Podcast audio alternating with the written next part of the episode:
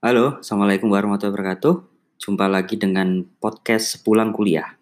Nah, pada episode ke-9 kali ini kita akan uh, mengundang salah satu uh, dosen ya di Universitas Erlangga, uh, Bu Amel, yang nanti akan menjelaskan kepada kita uh, tentang uh, salah satu hal yang bisa kalian uh, lakukan pada saat uh, ada di pandemi COVID kali ini, terutama untuk mahasiswa level akhir, yang mana tentu saja beberapa uh, tugas akhir, mungkin skripsi, tesis, akan terkendala terkait dengan mungkin pengambilan data dan beberapa metode riset yang akan dilakukan.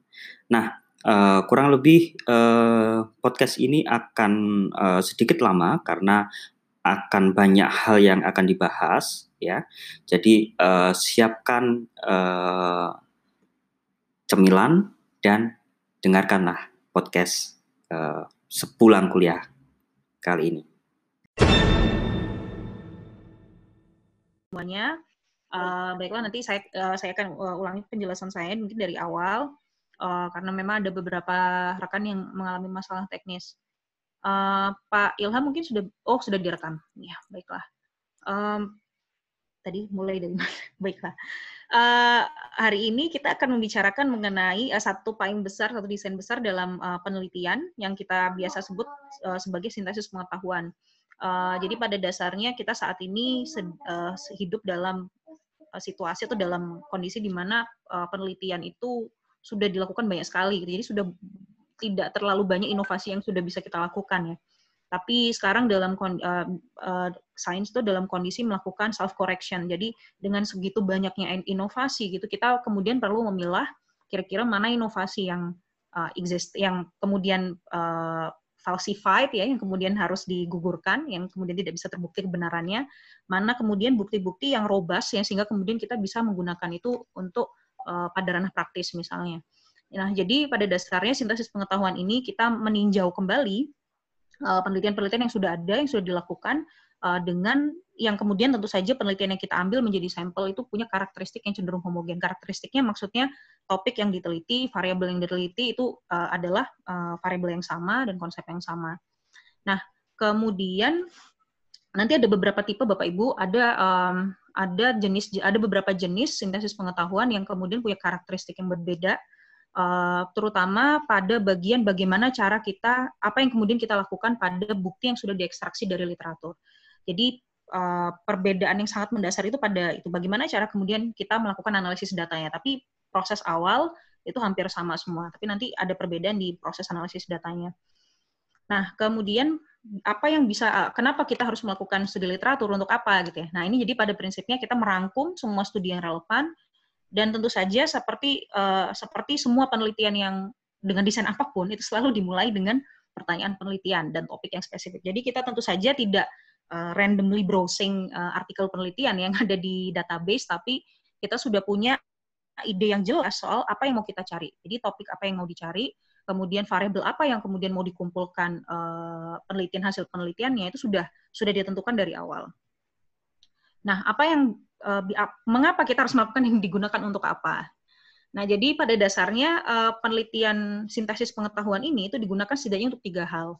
Jadi kita gunakan untuk uh, sekali lagi tadi mengakumulasi pengetahuan. Jadi jadi uh, seberapa jauh gitu ya, seberapa uh, konsisten gitu ya, yang bukti yang kita miliki untuk melihat apakah satu gejala dengan gejala yang lain itu berhubungan kalau tadi saya mencontohkan misalnya di psikologi yang cukup ramai sekarang dibicarakan adalah kaitan antara uh, berpikir positif atau positif mindset ya dengan uh, apakah itu dia berdampak pada sistem ke kekebalan tubuh. Nah, ada banyak penelitian yang sudah dilakukan, cuman persoalannya adalah apakah memang buktinya itu mengarah pada arah yang sama? Apakah memang arahnya positif atau arahnya negatif justru atau malah di tengah-tengah nggak ada efeknya, nggak ada korelasinya sama sekali.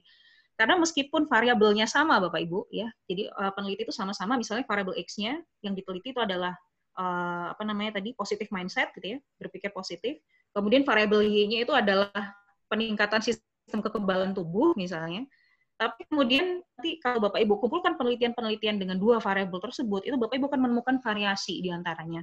Jadi ada yang bilang ada efeknya, tapi ada efeknya juga macam-macam. Entah itu efeknya kecil, efeknya besar, efeknya menengah, dan sebagainya. Ada yang bilang mungkin tidak ada efeknya sama sekali. Dan apakah arahnya positif atau justru negatif? Nah, itu dia. Jadi kemudian dengan uh, penelitian model uh, uh, knowledge synthesis ini, kita mengakumulasi semuanya, pengetahuan yang kita miliki, apa yang sudah kita tahu soal topik tertentu. Nah, apa gunanya melakukan hal ini? Itu ya tentu saja uh, kalau dalam beberapa bidang uh, penelitian seperti yang kalau uh, meta analisis biasanya paling sering digunakan oleh teman-teman uh, di biomedis ya di di medicine uh, kita biasanya mereka biasanya menggunakan model knowledge synthesis itu untuk menentukan treatment atau intervensi apa yang akan dijadikan gold standard ketika mereka ketika menghadapi satu penyakit tertentu. Jadi contoh yang sederhana adalah misalnya apakah satu obat gitu ya, satu obat A itu bisa kemudian berdampak positif eh berdampak positif dalam menurunkan simptom A misalnya. Nah, biasanya untuk penelitian uh, satu intervensi itu uh, ada banyak uji klinis yang dilakukan. Nah, uji klinis itu juga hasilnya bervariasi. Nanti perusahaan farmasi A hasilnya segini, farmasi B misalnya nanti hasilnya segini, nanti lab A hasilnya D misalnya, nanti lab C nanti hasilnya sekian. Nah kemudian yang dilakukan oleh peneliti itu mengumpulkan semua pengetahuan, semua bukti yang diperoleh dari penelitian-penelitian tersebut, itu untuk kemudian merumuskan bahwa apakah sebenarnya intervensi ini itu memang betul-betul berdampak pada pada klaim apakah klaim itu memang benar-benar uh, benar-benar bisa dipercaya atau tidak kira-kira seperti itu. Nah ini kalau contohnya di uh, meta analisis yang menurut saya contohnya menarik adalah mungkin Bapak Ibu pernah dengar obat namanya fluoxetine ya. Fluoxetine itu uh, nama nama apa? nama dagangnya kalau nggak salah. Eh nama dagangnya bukan fluoxetine, saya lupa nama dagangnya apa. Jadi obat ini biasanya diresepkan uh, untuk pasien depresi. Dan obat ini itu uh, kalau nggak salah total penjualannya selama kurang lebih tiga atau empat tahun itu sekitar hampir 3 miliar dolar. Jadi sangat laris di Amerika Serikat. Nah, uh, sampai sangat populer obat ini saya cuma lupa merek dagangnya apa itu bahkan kalau bapak ibu misalnya nonton Netflix yang uh, nonton film yang uh, membahas tentang uh, depresi misalnya itu biasanya uh, si uh, aktornya itu biasanya kemudian menyebutkan dia sedang minum fluoxetine gitu. jadi sangat populer di Amerika Serikat tapi kemudian ketika seorang peneliti ber, ber, berupaya untuk mengumpulkan seluruh hasil uji klinis ya uji klinis yang uh, apa yang digunakan yang meneliti efektivitas obat ini itu menemukan hal yang sangat mengejutkan. Jadi selama 10 tahun mereka dia mengambil semua penelitian yang um, menganalisis efektivitas obat ini selama 10 tahun. Ketika kemudian dikumpulkan buktinya, itu ternyata dia menyimpulkan bahwa obat ini sebenarnya efeknya placebo. Jadi dia tidak benar-benar uh, menurunkan, uh, tidak benar-benar berdampak pada simptom depresi. Dan itu menurut saya sangat mind blowing ya. Jadi sudah banyak sekali uangnya konsumen dikeluarkan, tapi ternyata hanya untuk membeli obat placebo.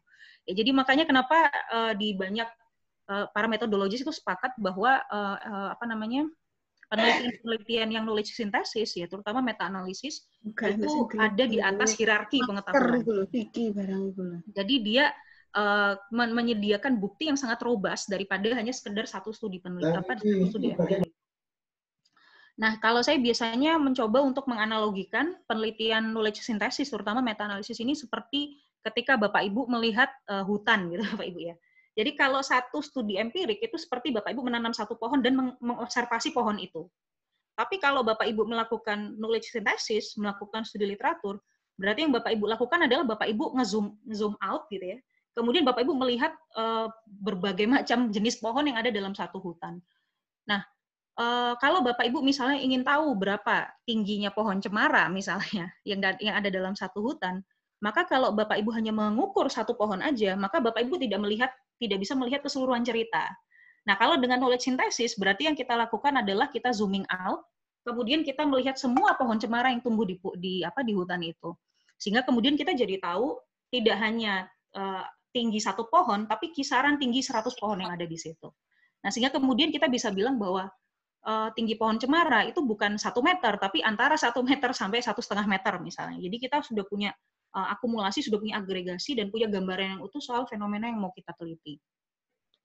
Kira-kira seperti itu Bapak Ibu. Makanya di meta analisis itu ada satu grafik gitu ya, satu analisis yang biasanya digunakan oleh uh, statistician untuk mengagregasi bukti itu disebut dengan forest plot ya karena memang uh, analoginya adalah seperti kita melihat uh, melihat hutan gitu. Lalu kemudian uh, terakhir ini jadi uh, nanti mungkin Bapak Ibu uh, akan lebih mungkin menerapkan uh, pola yang Eh, logika yang ketiga yaitu logika eksploratory gitu. Jadi ketika Bapak Ibu melihat berbagai macam artikel penelitian, itu meskipun mereka meneliti hal yang sama, itu ada banyak sekali variasi di antaranya. Gitu ya. Jadi misalnya ketika saya mau meneliti tentang katakanlah uh, tentang apa tentang kepuasan pasien misalnya, kepuasan pasien saya neliti di Sutomo, yang satu saya neliti di rumah sakit swasta. Bapak Ibu akan menemukan variasi di antaranya. Gitu. Tentu saja tidak akan menghasilkan uh, apa menghasilkan uh, temuan penelitian yang berbeda. Nah, oleh karena itu nanti dengan studi literatur yang kita lakukan adalah Bapak Ibu mengumpulkan semua artikel yang meneliti hal yang sama, yaitu adalah kepuasan pasien. Lalu nanti yang kita lakukan adalah mengidentifikasi polanya. Ya, jadi pola apa yang kita bisa identifikasi dari hasil yang heterogen itu tadi. Jadi ini bukan pekerjaan mudah Bapak Ibu, ini pekerjaan yang sangat sulit. Gitu. Kemudian, nah ini yang menurut saya menjadi tekanan penting ketika uh, kita melakukan studi literatur dalam bentuk apa pun. Uh, pada dasarnya sebagai seorang ilmuwan itu kita harus mempertimbangkan semua bukti. Artinya mau buktinya itu positif, ada korelasi, ada efek, uh, ada pengaruh dan sebagainya, atau buktinya itu negatif, tidak ada korelasi, tidak ada hubungan dan sebagainya, itu semuanya harus kita konsiderasi. Jadi nggak bisa kita hanya memilih artikel-artikel yang uh, sesuai dengan keinginan kita aja. Karena kalau kayak begitu kan cara kerja itu bukan cara kerja ilmuwan, cara kerja orang awam. Jadi kita harus mengambil semua apa semua bukti yang yang mungkin sehingga kemudian proses untuk menemukan bukti jadi sistem yang kita gunakan untuk memilih mana artikel yang kita ambil menjadi sampel itu menjadi penting. Karena proses yang sistematis itu kemudian mereduksi uh, bias yang uh, mungkin terjadi akibat uh, akibat subjektivitas kita sebagai peneliti. Sehingga kemudian nanti tekanannya adalah mau Bapak Ibu menggunakan uh, literatur review apa pun dengan model apa pun, yang paling penting prosesnya adalah memastikan bahwa Bapak Ibu punya sistem yang jelas bagaimana cara Bapak Ibu menentukan mana artikel yang mau direview dan mana yang dibuang, dieksklusi, yang tidak dilibatkan dalam review. Nah, seperti itu kira-kira Bapak Ibu. Nah, persoalannya adalah yang jadi masalah besar ya dalam melakukan penelitian ini. Jadi meskipun misalnya meta analisis itu dianggap duduk di hierarki tertinggi ya, hierarki uh, bukti yang paling tinggi, tapi ternyata ada masalah juga Bapak Ibu di uh, penelitian-penelitian seperti ini. Um, seperti misalnya kalau Bapak Ibu, kalau misalnya coba submit di jurnal, kemudian Bapak Ibu di sana biasanya editor dan reviewer itu punya bias yang disebut dengan uh, istilahnya uh, publication bias ya. Jadi hasil-hasil yang positif ya, yang tadi yang ada korelasi dan sebagainya, itu akan jauh lebih disukai dan besar peluangnya untuk diterbitkan daripada Bapak Ibu mengirim dengan hasil negatif. Nah, tentu saja dengan begitu, uh, yang diterbitkan, yang jadi body of knowledge kita saat ini itu lebih banyak hasil positifnya daripada hasil negatifnya. Dan ini tentu saja tidak mencerminkan realitas yang sesungguhnya. Sehingga kadang-kadang kemudian meta-analisis itu juga diragukan keabsahannya, diragukan uh, apa namanya uh, simpulannya itu karena pada dasarnya data yang tersedia, data yang existing itu memang sudah bias dari sananya. Jadi mau kita menggunakan teknik yang secanggih apa pun, kalau pada dari dasarnya memang datanya udah bias, ya memang kita tidak bisa melakukan uh, banyak hal. Artinya kesimpulannya menjadi sangat terbatas. Dan sampai sekarang yang saya tahu peneliti meta, karena di psikologi sendiri ada komunitas peneliti yang uh, komunitas peneliti meta yang memang sangat aktif dan mereka juga banyak mendevelop banyak teknik statistik yang digunakan terutama untuk mengkoreksi bias publikasi ini. Jadi sampai sekarang itu belum ada satupun teknik statistik yang bisa mengkoreksi efek bias publikasi. Jadi kalau Bapak Ibu misalnya melihat meta analisis itu kemudian tentu saja dengan asumsi bahwa ini bukan uh, ini bukti yang dicantumkan di meta analisis ini belum semuanya. Jadi belum semua cerita itu dimasukkan dalam dalam penelitian meta analisis. Nah, kira-kira seperti itu. Itu yang agak depressing di situ.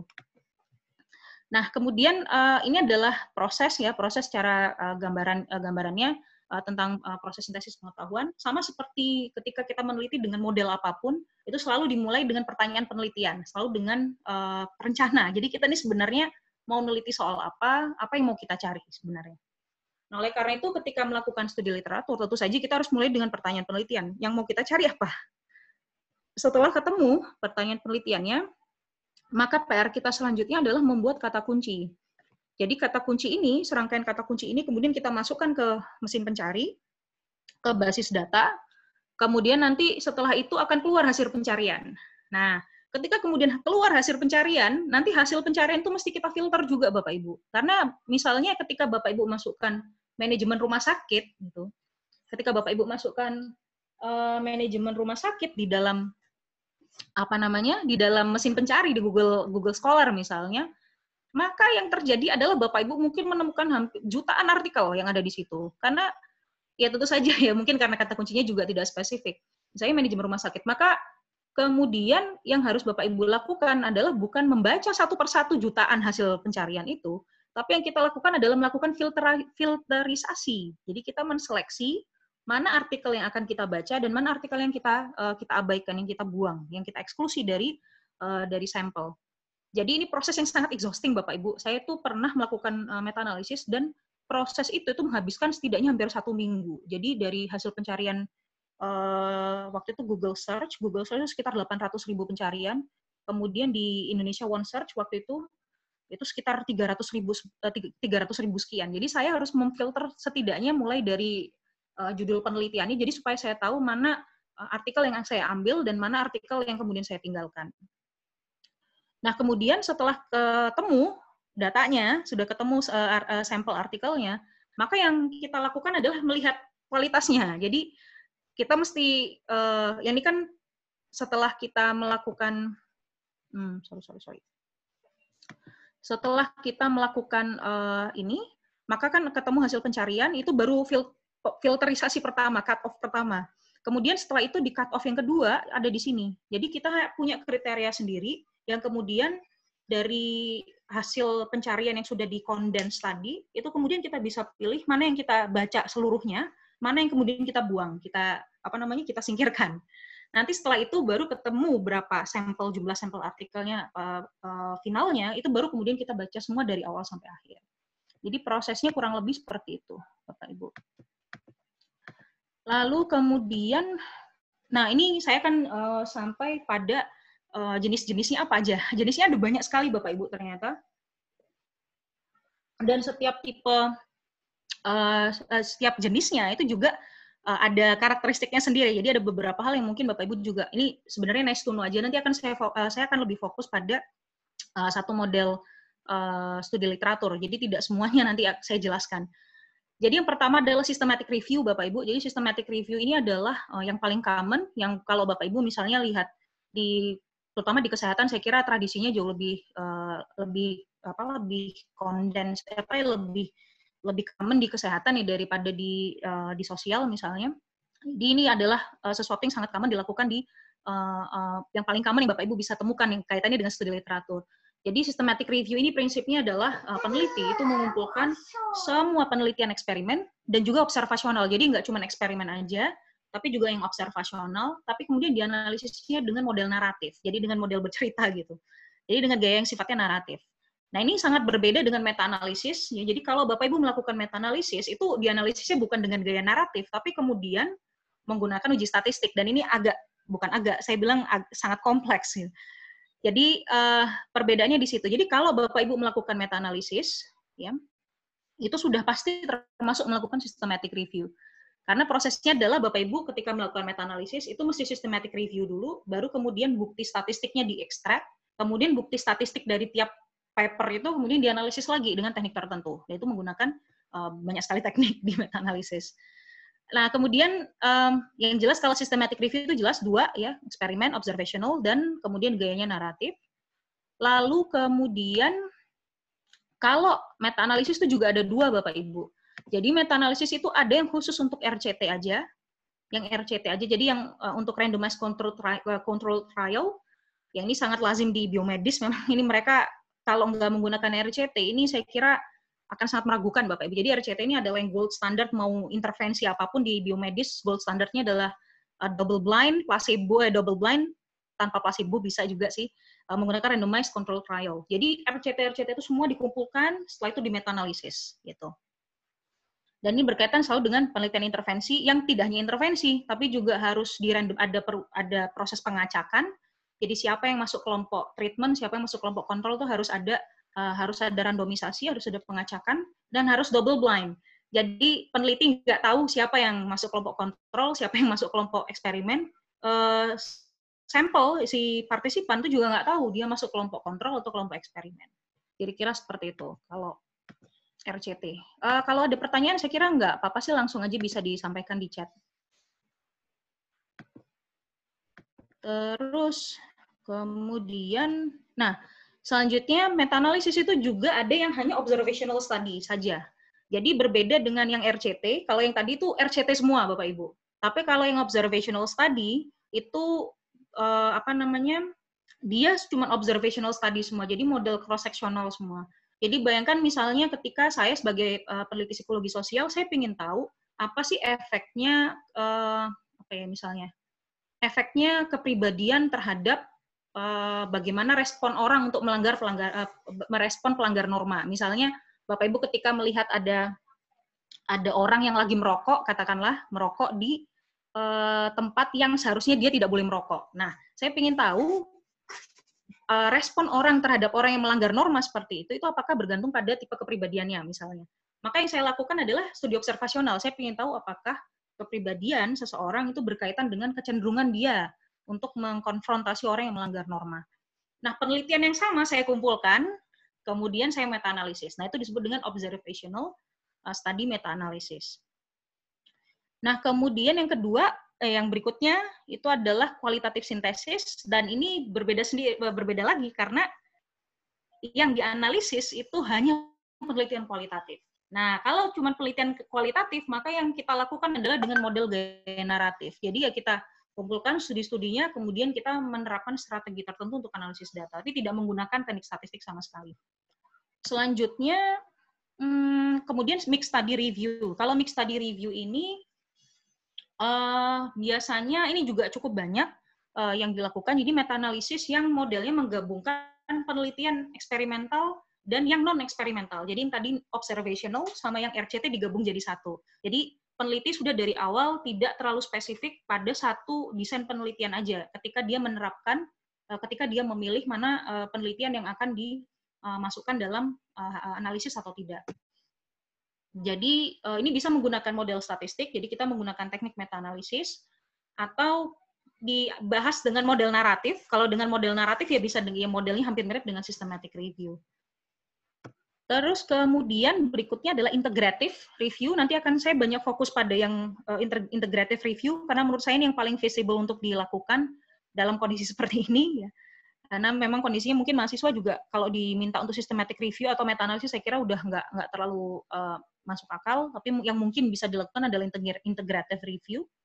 Jadi prinsipnya uh, nanti integrative review ini model atau sistematika pencariannya mungkin tidak seketat uh, dan meta analisis systematic review dan uh, meta analisis tapi dia nanti akan lebih banyak fokus pada uh, untuk melihat pola yang terjadi pola apa yang kemudian bisa ditemukan ketika membaca beberapa naskah sekaligus. Nanti akan saya lebih banyak uh, membahas soal integrative review. Kemudian ada juga yang disebut dengan scoping, scoping review. Jadi prinsipnya ini uh, scoping review ini untuk memetakan uh, apa namanya konsep-konsep kunci, terus ingin tahu apakah ada gap antar satu uh, dalam satu field research, sehingga kemudian orang tuh nanti bisa hasil scoping review itu orang uh, si peneliti itu bisa merumuskan pertanyaan penelitian yang baru. Gitu. Jadi ini sangat menurut saya scoping review ini sangat berguna buat uh, peneliti peneliti peneliti pemula yang sedang uh, mencari yang sedang berupaya untuk mencari problem penelitian, merumuskan problem penelitian. Jadi kalau mahasiswa S3 gitu mungkin di awal-awal uh, studinya itu yang dilakukan adalah scoping review. Jadi dia tahu misalnya dia coba lihat uh, variabel A, variabel A depresi misalnya, nanti variabel depresi ini dia berkaitan sama apa aja. Setelah itu setelah dia membaca, dia memetakan variabel itu berkaitan dengan apa aja, kemudian dia bisa tahu bahwa oh ternyata penelitian yang mengkaitkan aspek A dan B ini belum ada misalnya. Jadi outcome akhirnya seperti itu. Kemudian berikutnya adalah re-aim, re-aim review. Ini kalau Bapak Ibu peneliti terapan misalnya yang di yang di lapangan itu ketika Bapak Ibu uh, berupaya untuk uh, mencoba uh, mencoba untuk mengevaluasi uh, beberapa aspek ya dari satu intervensi. Katakanlah Bapak Ibu mau melakukan intervensi perubahan atau restrukturisasi apa namanya penggajian misalnya dalam satu organisasi. Nah, oleh karena itu yang kita lakukan adalah mengumpulkan penelitian-penelitian yang sama, jadi soal restrukturisasi gaji misalnya, maka terus kemudian intervensi restrukturisasi gaji itu itu coba dilihat aspek reach, efficacy, adoption, implementation, dan maintenance-nya. Kemudian akhirnya disimpulkan bahwa apakah intervensi ini visible atau enggak dan konteks dalam konteks yang seperti apa. Kemudian yang terakhir Bapak Ibu ini adalah mbahnya mbah karena dia adalah review dari systematic review. Jadi meta-meta analisis gitu ya, meta-meta systematic meta systematic review. Jadi disebut dengan umbrella review. Jadi Bapak Ibu yang dilakukan dengan umbrella review adalah Bapak Ibu mengumpulkan seluruh penelitian systematic review kemudian dianalisis lagi. Ya jadi ini adalah meta systematic review. Ya kira-kira itu Bapak Ibu jenis-jenisnya yang ada nanti saya akan lebih banyak fokus pada uh, integrative review. Nah, di sini Bapak Ibu, kalau Bapak Ibu melihat, kalau misalnya Bapak Ibu klik yang eh, nama-nama uh, tipe ini, maka nanti Bapak Ibu akan langsung diarahkan pada paper yang merupakan guideline, ya, guideline dari masing-masing apa masing-masing tipe tersebut. Karena setiap uh, setiap tipe apa nih, setiap tipe studi literatur itu mereka punya guideline sendiri-sendiri. Jadi contohnya seperti systematic review sama meta analisis ini biasanya menggunakan Prisma, Prisma guideline jadi nanti kalau Bapak Ibu klik, maka nanti akan mengarah pada paper yang uh, membicarakan soal uh, prisma ya. Jadi prisma statement itu kayak gimana. Terus kalau Bapak Ibu misalnya klik yang bagian ini misalnya, nanti akan uh, keluar paper yang jadi contoh ya, contoh penelitiannya. Seperti itu. Jadi nanti ketika diklik nanti akan keluar contoh penelitiannya. Terus kemudian selanjutnya adalah cara menentukan sampel. Ya, ini dia cara menentukan sampel. Jadi yang pertama yang harus kita lakukan yaitu pertama menentukan kriteria inklusi dan eksklusi. Ini sama di semua penelitian juga hampir sama. Bapak Ibu ketika menggunakan uh, penelitian empirik ya, studi-studi empirik, maka yang di, yang kita lakukan sebelum mengambil data, kita harus menentukan uh, kriteria, kriteria responden, kemudian dari kriteria responden itu ketemu karakteristik populasi. Setelah itu kemudian kita menentukan kriteria eksklusi dan inklusi. Jadi ketika sudah masuk semua ini individu ini yang sudah masuk sebagai eh, diinklusi ya sebagai uh, sampel yang memenuhi syarat sebagai sampel, kemudian kita harus exclude gitu beberapa orang berdasarkan kriteria tertentu. Jadi contohnya ini Bapak Ibu bisa klik contohnya kriteria, nanti akan saya uh, akan mengunduh file uh, penelitian saya waktu itu kalau nggak salah. Um, sebentar. Tuh. Contohnya ini. Jadi kalau misalnya di sini, uh, jadi saya waktu itu melakukan penelitian tentang uh, ingin uh, melakukan meta analisis tentang kaitan antara dukungan sosial dengan depresi, Bapak Ibu. Jadi saya ingin tahu apakah benar benar atau enggak sih sebenarnya uh, individu yang mendapatkan dukungan dari lingkungan sosialnya itu akan lebih uh, lebih kecil kemungkinannya menderita depresi atau tidak. Nah, dari situ saya kemudian menerapkan kriteria inklusi dan eksklusi bahwa saya hanya mengambil riset atau paper penelitian itu yang me, apa, mencantumkan pengukuran yang valid dan reliable mengenai social support dan depression. Jadi kalau dia tidak ada pengukuran sama sekali, hanya theoretical paper, maka saya buang. Akan saya buang dari uh, dari sampel. Atau se, atau sebaliknya kalau misalnya ada pengukurannya tapi nggak ada informasi soal validitas dan reliabilitas juga akan saya buang seperti itu. Nah kemudian uh, artikel yang saya masukkan dalam kriteria saya itu adalah yang diterbitkan mulai tahun 2000 sampai 2018, jadi 18 tahun, dan hanya ditulis dan diterbitkan dalam bahasa Indonesia. Nah, seperti itu. Nah, sedangkan ketika semua artikel yang masuk kriteria uh, kriteria 4 ini akan kemudian saya seleksi, akan saya buang. Kalau misalnya ternyata social supportnya spesifik, katakanlah dukungan sosial su uh, suami misalnya, maka saya buang karena terlalu spesifik. Atau dukungan sosial orang tua. Nah, kalau gitu saya buang berarti. Atau misalnya depresinya itu sangat spesifik, misalnya depresi uh, postpartum, jadi uh, ibu yang baru melahirkan kemudian kena depresi. Nah itu kemudian saya uh, saya buang karena tentu saja kalau terlalu spesifik itu nanti variasinya akan tambah besar, akan tambah menyulitkan uh, untuk menyi, apa, membuat kesimpulan. Oke. Okay.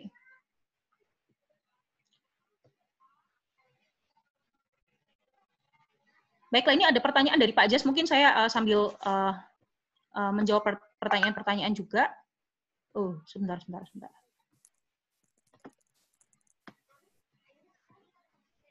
Cara memilah artikel mana yang masuk dan mana yang harus dibuang. Kriterianya apa? Nah, untuk kriteria, ini tadi pertanyaan Bu Ratna jawabannya adalah dengan inklusi dan eksklusi ya.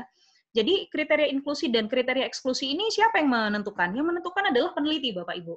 Jadi Bapak Ibu sendiri yang menentukan, peneliti sendiri yang menentukan kira-kira mana artikel yang akan di-include dan mana yang akan di-exclude. Jadi sama seperti ketika Bapak Ibu menentukan kriteria inklusi dan eksklusi sampel penelitian.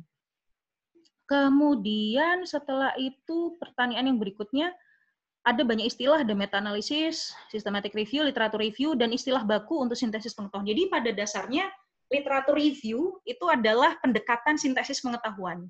Ya, jadi literatur review itu adalah istilah awam kalau saya bilang yang lebih lebih pada istilah awam karena dia sangat generik dan bahkan mungkin bisa bentuknya apa pun karena meta analisis itu juga literatur review.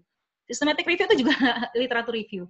Tapi pada dasarnya pendekatannya yang dilakukan sebenarnya dalam literatur review itu adalah melakukan sintesis terhadap pengetahuan yang sudah ada. Makanya kenapa kalau di literatur itu biasanya uh, peneliti menggunakan istilah uh, knowledge synthesis. Jadi bukan literatur review tapi knowledge synthesis. Karena prinsipnya literatur review itu sesuatu yang sangat generik dan mungkin lebih ke arah istilah-istilah awam sebenarnya. Nah, sedangkan istilah yang berkaitan dengan seperti meta analisis, systematic review, itu adalah bagian dari knowledge synthesis. Jadi kalau kita bayangkan seperti payung gitu Bapak Ibu ya. Maka knowledge synthesis itu payungnya, kemudian yang di dalamnya knowledge synthesis itu ya ada meta analisis, ada systematic review, ada integrative review dan sebagainya. Kira-kira seperti itu. Oke, ada yang mau bertanya lagi barangkali Bapak Ibu? Ya, ini pertanyaannya Bu Ulul. Bu boleh, Ulul boleh. Tadi ukuran untuk novelty dari apa studi literatur itu bagaimana gitu ya? Ukuran novelty. Um, yeah. Ini saya kira juga pertanyaan yang tidak mudah dijawab ya, karena sebenarnya uh, kalau kita itu melakukan literatur review itu sudah nggak nggak nggak apa namanya nggak nggak lagi bicara soal novelty, tapi karena sebenarnya literatur review, uh, uh, knowledge synthesis itu lebih pada uh, model apa istilahnya ya, lebih ke arah apa modelnya itu sedang kita tuh sedang sedang apa namanya mencari mana yang mana jawaban yang tepat atas sesuatu. Jadi apa istilahnya ya? Kita itu uh, sains itu kan pada dasarnya nggak cuma butuh inovasi ya Bapak Ibu ya, tapi kan kita juga butuh istilahnya self sensoring gitu ya. Jadi kita juga harus tahu memilah mana yang hoax dan mana yang beneran bisa dipercaya. Jadi justru sebenarnya kekuatan dari literatur review itu adalah kekuatan analisisnya itu pada kesimpulannya. Jadi apakah sebenarnya kesimpulannya sangat powerful, dia sudah sangat rigorous untuk sudah sangat cermat untuk mempertimbangkan semua bukti dan apakah kemudian kesimpulan yang dia dia capai dari hasil literatur review itu powerful atau tidak, itu insightful atau tidak.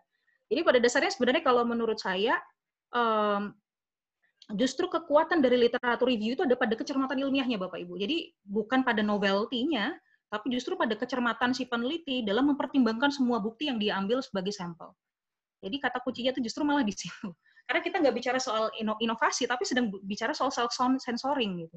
Karena kan kita nggak hanya bicara soal inovasi, tapi kita harus tahu inovasi mana yang bisa dipercaya dan mana yang tidak begitu. Seperti itu kira-kira. Ya. Bapak Ibu. Ini tambahan dari Pak Jas. Hmm. Ya. Bagaimana hmm. posisi itu semua dalam metode penelitian? Hmm. Apakah ini sebuah desain penelitian atau apa? Ya, oke. Okay. Saya kalau gitu. Uh, itu di grup chat ya. Oke okay, oke okay, ya. Terus kemudian mau... penelitian kualitatif dan uh-huh. kuantitatif uh-huh. atau selama ini kita mengenal desainnya seperti apa gitu. Oke. Okay, kalau mm, mm, kalau penelitian kan jelas ada kualitatif, kuantitatif. Uh-huh, nah, ya. Oke. Okay. Uh, eh, ini akan saya tunjukkan uh, hierarki apa? Eh, saya belum masukkan kebetulan. Ini coba saya tunjukkan dulu. Oh sebentar, saya stop share dulu. Um,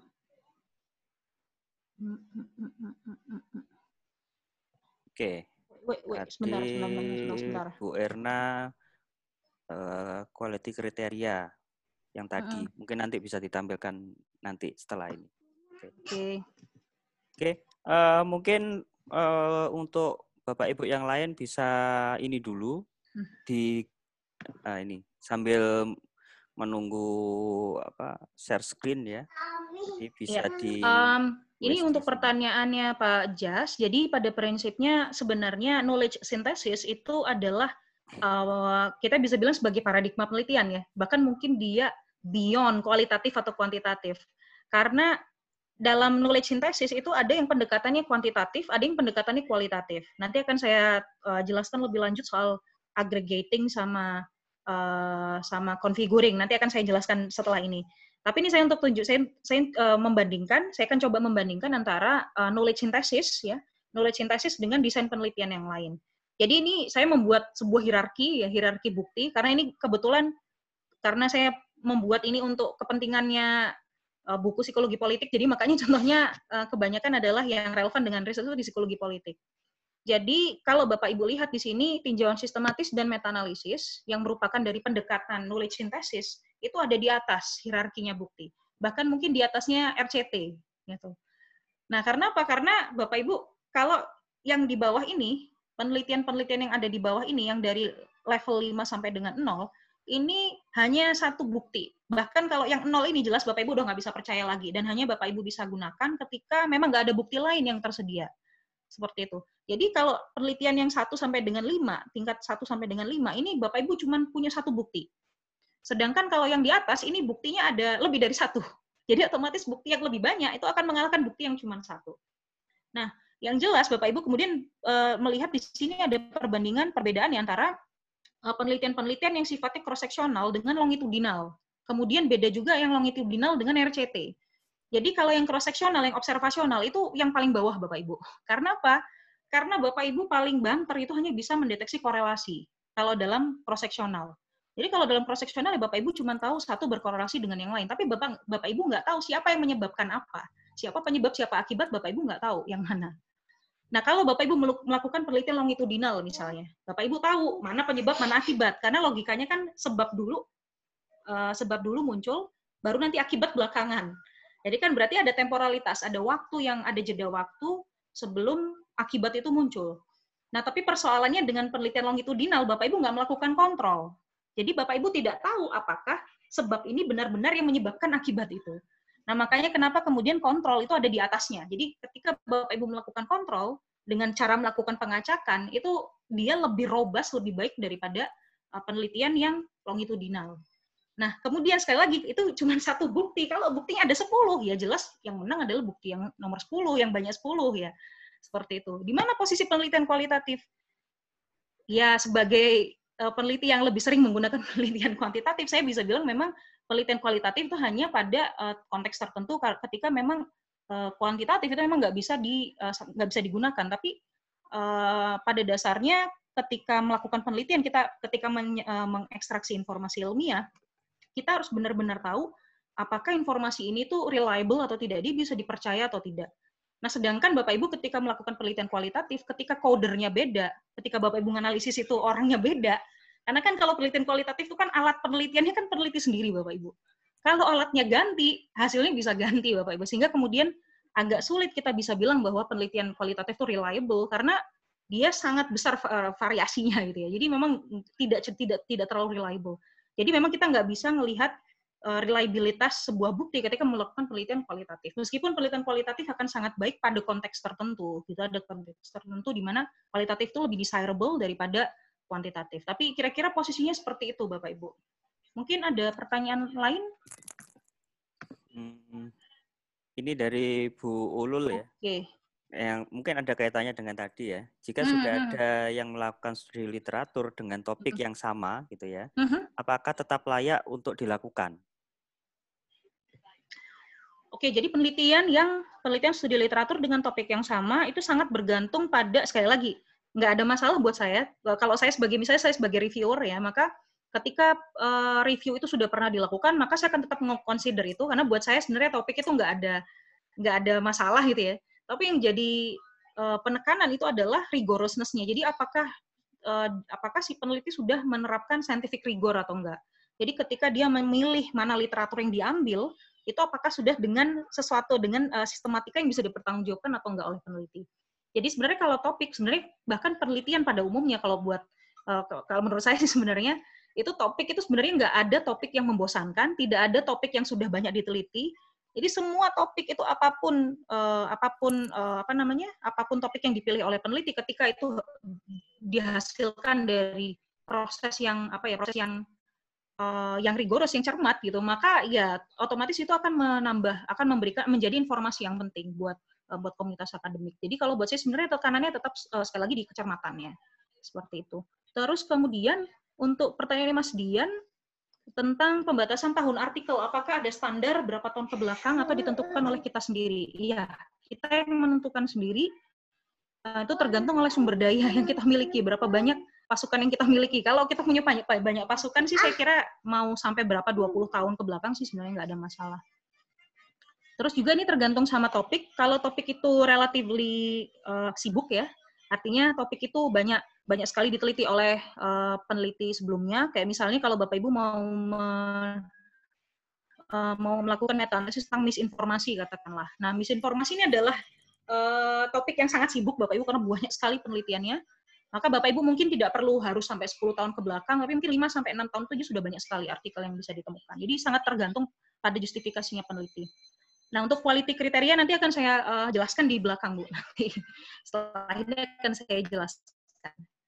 Oke, jadi saya coba lanjutkan lagi um, soal sampel artikel. Nah, jadi Bapak Ibu uh, setelah kita menentukan kriteria uh, inklusi dan eksklusi, yang ini exclusively ditentukan oleh oleh peneliti, maka yang kemudian kita lakukan adalah menentukan basis data. Ya, jadi menentukan database uh, ilmiah yang akan kita gunakan untuk cari artikel. Nah, kalau untuk kesehatan, gold standarnya adalah menggunakan PubMed, Bapak Ibu. Jadi di mana-mana biasanya menggunakan PubMed. Nah, setelah itu nanti kita akan menentukan kata kunci, yang kata kunci apa yang dimasukkan dalam basis data, dan kata kunci ini juga nggak bisa sembarangan dimasukkan, Bapak Ibu, karena kata kunci yang berbeda itu akan memberikan hasil yang berbeda, hasil pencarian yang berbeda. Kemudian Bapak Ibu juga perlu, sebentar. Jangan keras-keras.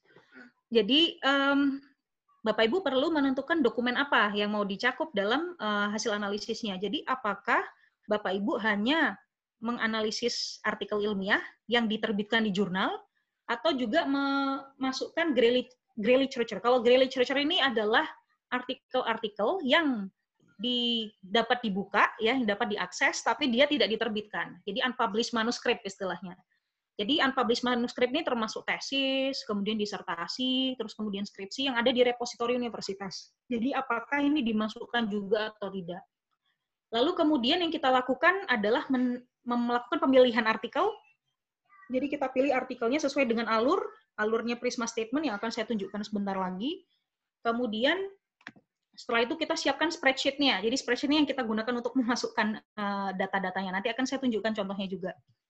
Jadi Bapak Ibu ini adalah strategi penyaringan ya yang biasanya uh, kita gunakan ketika melakukan systematic review dan meta analisis dengan guideline yang disebut dengan Prisma, Prisma statement. Ini Bapak Ibu kalau klik linknya nanti akan langsung uh, langsung akan terhubung pada artikelnya. Jadi pada dasarnya ini ada empat tahap. Jadi mulai dari identifikasi, kemudian melakukan screening, kemudian menentukan apakah eligible atau tidak, eligible atau tidak penelitian uh, artikel itu. Kemudian ini adalah included, yang ini yang kemudian kita masukkan dalam uh, studi. Kalau kita melakukan uh, meta-analisis, Bapak Ibu, meta-analisis dan systematic review, itu kita baru baca semua artikel, semua keseluruhan artikel dari atas sampai bawah, itu di dua tahap ini, Bapak Ibu. Di dua tahap terakhir ini. Saya kasih contohnya. Nah, di sini. Jadi di dua tahap terakhir ini. Sedangkan Bapak Ibu ketika di tahap-tahap awal ini, ini yang Bapak Ibu baca cuma kata kunci sama abstrak. Jadi judul, kata kunci sama abstrak aja. Jadi kalau Bapak Ibu baca dua, misalnya 200 ribu hasil pencarian yang nggak dibaca satu-satu bisa mumet kita nanti. Ya, jadi itu yang kita baca hanya judul, kemudian nanti kata kunci sama uh, sama abstraknya. Jadi Bapak Ibu itulah kenapa pem, uh, apa namanya redaksi jurnal itu sangat cerewet masalah metadata Bapak Ibu. Jadi uh, metadata yang baik, metadata jurnal yang baik itu membuat artikel Bapak Ibu itu lebih mudah ditemukan. Kalau misalnya metadatanya jelek, maka dia akan sulit ditemukan oleh mesin pencari. Nah, kadang-kadang kita eh, apa namanya cuma berhenti aja di membuat artikel, tapi pada dasarnya sebenarnya artikel kita itu akan digunakan oleh orang lain, setidaknya digunakan oleh peneliti meta-analisis. Gitu. Nah, itu saya sebagai peneliti meta-analisis itu kadang-kadang sering frustasi karena apa? Karena informasi di artikel itu sering kali nggak lengkap. Jadi kalau saya biasanya mengekstraksi statistik, kadang informasi tentang degree of freedom-nya nggak ada. Atau nanti rata-rata usianya nggak ada. Terus yang perempuan berapa, yang laki-laki berapa nggak ada. Kalau kayak gitu nggak bisa dianalisis. Biasanya kemudian terpaksa harus dibuang dari analisis. Nah, jadi pada dasarnya makanya ini jadi uh, apa? Jadi insight buat Bapak Ibu ketika menulis artikel penelitian usahakan itu informasinya semua lengkap. Terutama bagian metode dan bagian result karena itu adalah harta buat peneliti meta analisis. Nah, selanjutnya saya akan coba tunjukkan bentuknya, contohnya seperti apa ketika menggunakan Prisma Statement. Hmm? Yes, ini dia. Ya, jadi penelitian yang tadi, yang saya, eh, penelitian meta-analisis yang saya tadi jelaskan soal hubungan antara apa tadi uh, dukungan sosial dengan depresi itu pertama saya menemukan 7022 hasil pencarian. Setelah itu kemudian saya harus mencatat mana yang duplikat. Kalau duplikat berarti nggak disertakan. Jadi dari 7022 itu ada 6000 uh, ada sekitar uh, 6982 yang tidak mengandung duplikat gitu ya. Karena ini kan ter, saya mencari waktu itu tidak hanya di satu basis data tapi di tiga basis data berbeda. Nah, setelah itu kemudian pada tahap pemeriksaan dari tahap pemeriksaan itu misalnya dari 6 berarti dari 6982 itu kemudian ada 6900 yang dieksklusi Bapak Ibu. Karena apa? Nah, judul nggak lengkap, nggak bisa diakses, naskahnya nggak lengkap dan terbit sebelum tahun 2000 karena kriterianya adalah dari tahun 2000 sampai dengan 2018 waktu itu. Jadi dari 6982 itu tinggal 66. Nah, dari 66 ini diperiksa abstraknya. Jadi dari 6982 yang di atas ini, ini hanya cuma dilihat judulnya aja Bapak Ibu. Jadi dilihat judulnya bisa diakses apa enggak, kemudian lengkap atau tidak naskahnya, dan sebagainya. Nah, dari 66 ini diperiksa satu-satu. Ada 37 yang hilang, yang dibuang. Kenapa? Macam-macam ini ada alasannya. Karena kan kebetulan karena saya menggunakan meta-analisis, jadi saya membutuhkan uh, analisis statistiknya. Jadi apakah informasi statistiknya itu lengkap atau tidak. Jadi dari 66 ini kemudian tinggal 29. Jadi dari 29 ini dianalisis lagi, dibaca dari awal sampai akhir. Ternyata dari 29 ini 16 naskah saya buang. Kenapa? Alasan ini ada macam-macam. Akhirnya dari 7022 dokumen ini Bapak Ibu, ini tersisa tinggal 13 yang bisa dianalisis. Jadi bisa bayangkan Bapak Ibu proses ini ini sangat exhausting. Jadi sebenarnya literatur review itu sebenarnya sama sulit, bukan sama sulit ya, bahkan mungkin lebih sulit daripada ngambil data empiris. Ya kalau ini pendekatannya kebetulan meta analisis ya. Nanti kita akan bicarakan yang lebih visible yang menggunakan uh, integrated review. Jadi ini adalah proses uh, screening dan filtering artikel uh, ketika menggunakan Prisma guideline Bapak Ibu. Jadi ini yang sudah di apa? Yang di uh, disarankan oleh Prisma di artikel apa di guideline yang biasanya digunakan untuk systematic review dan meta analisis. Ini baru nyari aja Bapak Ibu, belum analisis datanya. Ya ini baru nyari artikelnya aja. Um, Kemudian, oke, okay, ini ada pertanyaan yang menurut saya menarik ya dari Mbak uh, Syifau. Jadi apa kriteria penentuan jumlah sampel? Tidak ada kriterianya. Jadi pada dasarnya adalah penentuan jumlah sampel itu sangat bergantung pada hasil pencarian. Jadi kalau hasil pencarian Bapak Ibu ada 300 ribu misalnya, maka 300 ribu itu memang harus difilter satu-satu. Sehingga nanti kemudian ketahuan berapa banyak jumlah artikel yang harus dianalisis lebih lanjut. Itu sangat bergantung pada jumlah pencarian jumlah pencarian sangat tergantung pada kata kunci dan juga sangat bergantung pada database apa yang Bapak Ibu gunakan untuk mencari. Jadi kalau Bapak Ibu nyari di Google Scholar ya pasti hasilnya akan banyak sekali. Tapi kalau Bapak Ibu nyari di PubMed itu sudah spesifik pada uh, kesehatan sehingga kemudian hasil pencariannya mungkin lebih sedikit daripada ketika Bapak Ibu menggunakan Google Scholar. Jadi itu kira-kira seperti itu uh, yang bisa saya jelaskan. Nah, kemudian sebentar saya minum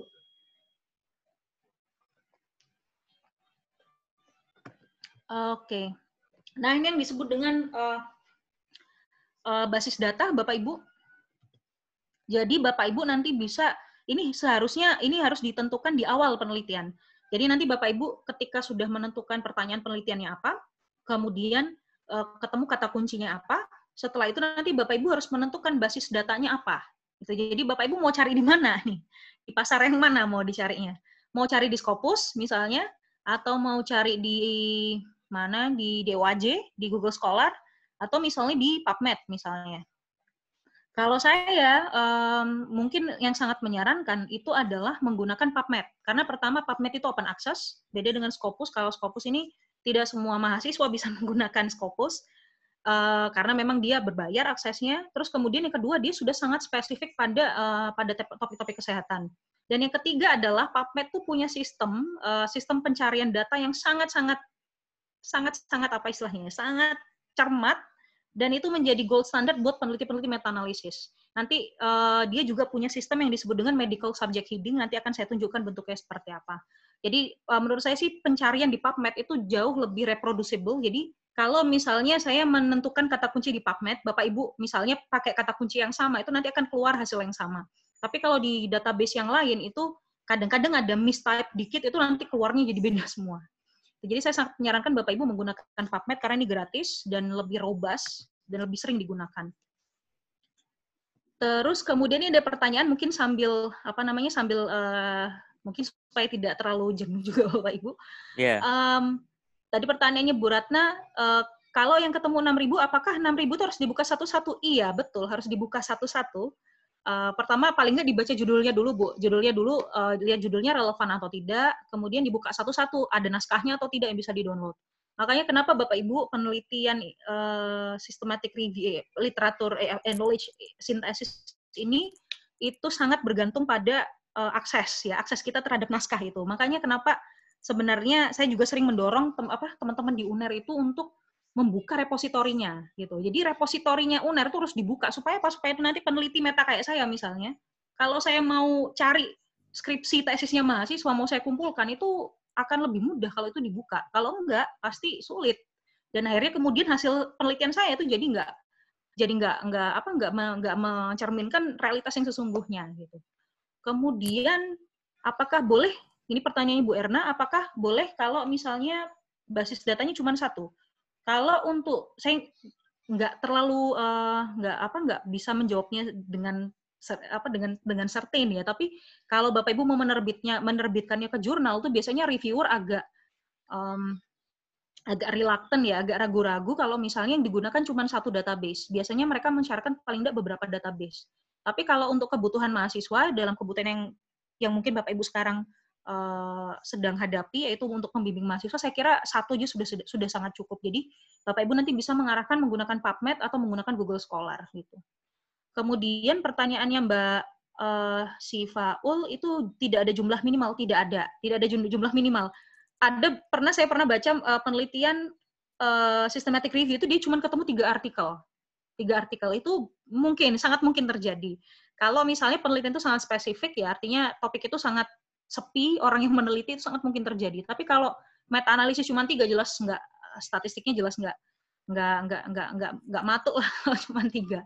Sehingga kemudian memang kalau untuk meta analisis saya kira sih kalau cuma tiga nggak bisa dianalisis. Tapi kalau systematic review masih bisa.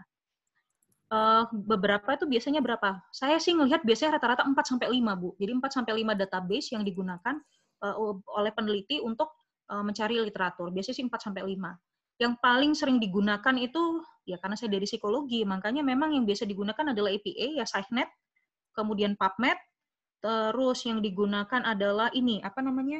Yang punyanya Thomson Reuters itu apa, Pak Ilham? Web of Science. Ya, Web of Science. Yang biasanya digunakan itu yang paling sering. Ya.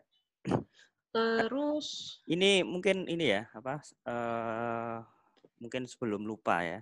Okay. Ini ada per pertanyaan yang mungkin uh, sangat awam, ter terutama hmm. mungkin hmm. untuk saya ya.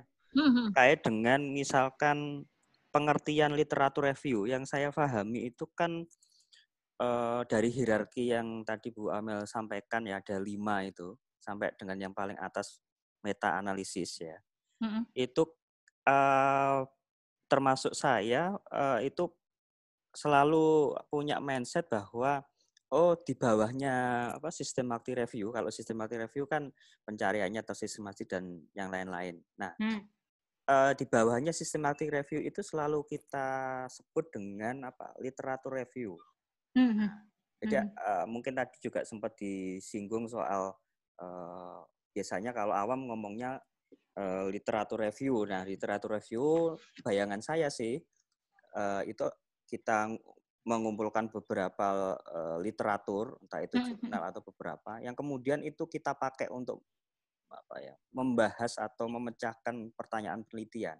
Mm-hmm. Nah, sedangkan tadi di apa di hierarki tadi termasuk tadi di awal dijelaskan bahwa sebetulnya yang dimaksud dengan apa ya eh, literatur review itu sendiri itu ya apa knowledge synthesis itu gitu loh. Nah mungkin hmm, bisa hmm, hmm. bisa diperjelas Bu Amel uh, uh, posisinya seperti itu gimana gitu. Iya, uh, betul Pak Ilham. Karena memang pada dasarnya saya juga sering menemukan uh, apa hal yang sama yang terjadi di mahasiswa. Ya. Jadi uh, pada dasarnya istilah literatur review itu adalah sesuatu yang sangat fake ya, sangat gak jelas sebenarnya, sangat abu-abu. Uh, padahal sebenarnya uh, konsep soal mereview literatur itu ya knowledge synthesis itu tadi pada dasarnya ini sudah ada informasi, informasi itu kita sintesiskan jadi satu kan begitu. Jadi ada literatur A, B, C, D, F, G 100 misalnya maka informasi dari artikel ini kita sintesis semuanya. Makanya mungkin lebih banyak orang yang lebih suka menyebutnya sebagai knowledge synthesis method daripada sekedar literatur review. Dan pada dasarnya juga yang sering dilakukan oleh mahasiswa itu adalah ya udah saya ambil berapa jurnal kemudian saya bahas itu pada dasarnya ada dua persoalan yang uh, perlu ya dua persoalan yang agak problematik dalam proses seperti itu. Yang pertama adalah pemilihan literaturnya.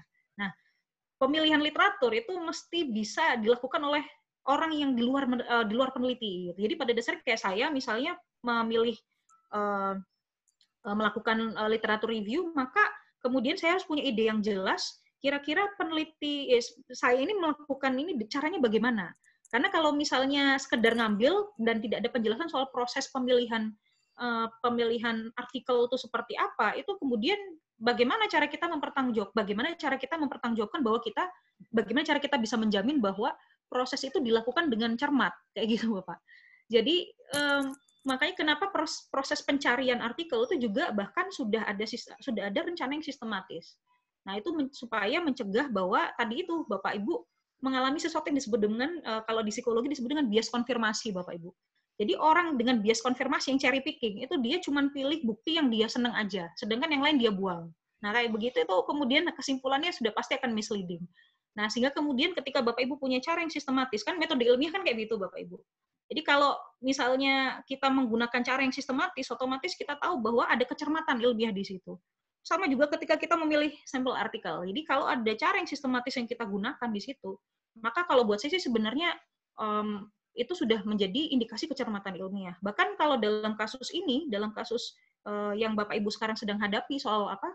Soal uh, kemudian kemungkinan untuk mahasiswa diminta untuk melakukan literatur review, maka kalau buat saya untuk mahasiswa itu sebenarnya excelling-nya adalah cara dia nyari interview, eh, cara dia nyari, nyari uh, apa nyari literaturnya gitu. Karena ya kalau untuk menganalisis datanya saya kira mahasiswa mungkin masih uh, punya keterbatasan ya. Maksudnya kita tidak bisa membandingkannya dengan peneliti profesional. Tapi buat saya sebenarnya goal yang paling utama adalah mahasiswa bisa melakukan uh, pencarian literatur secara sistematis itu sudah luar biasa buat saya karena berarti dia tahu bagaimana caranya uh, mencari mencari informasi dan memilah mana informasi yang dia butuhkan dan mana yang tidak.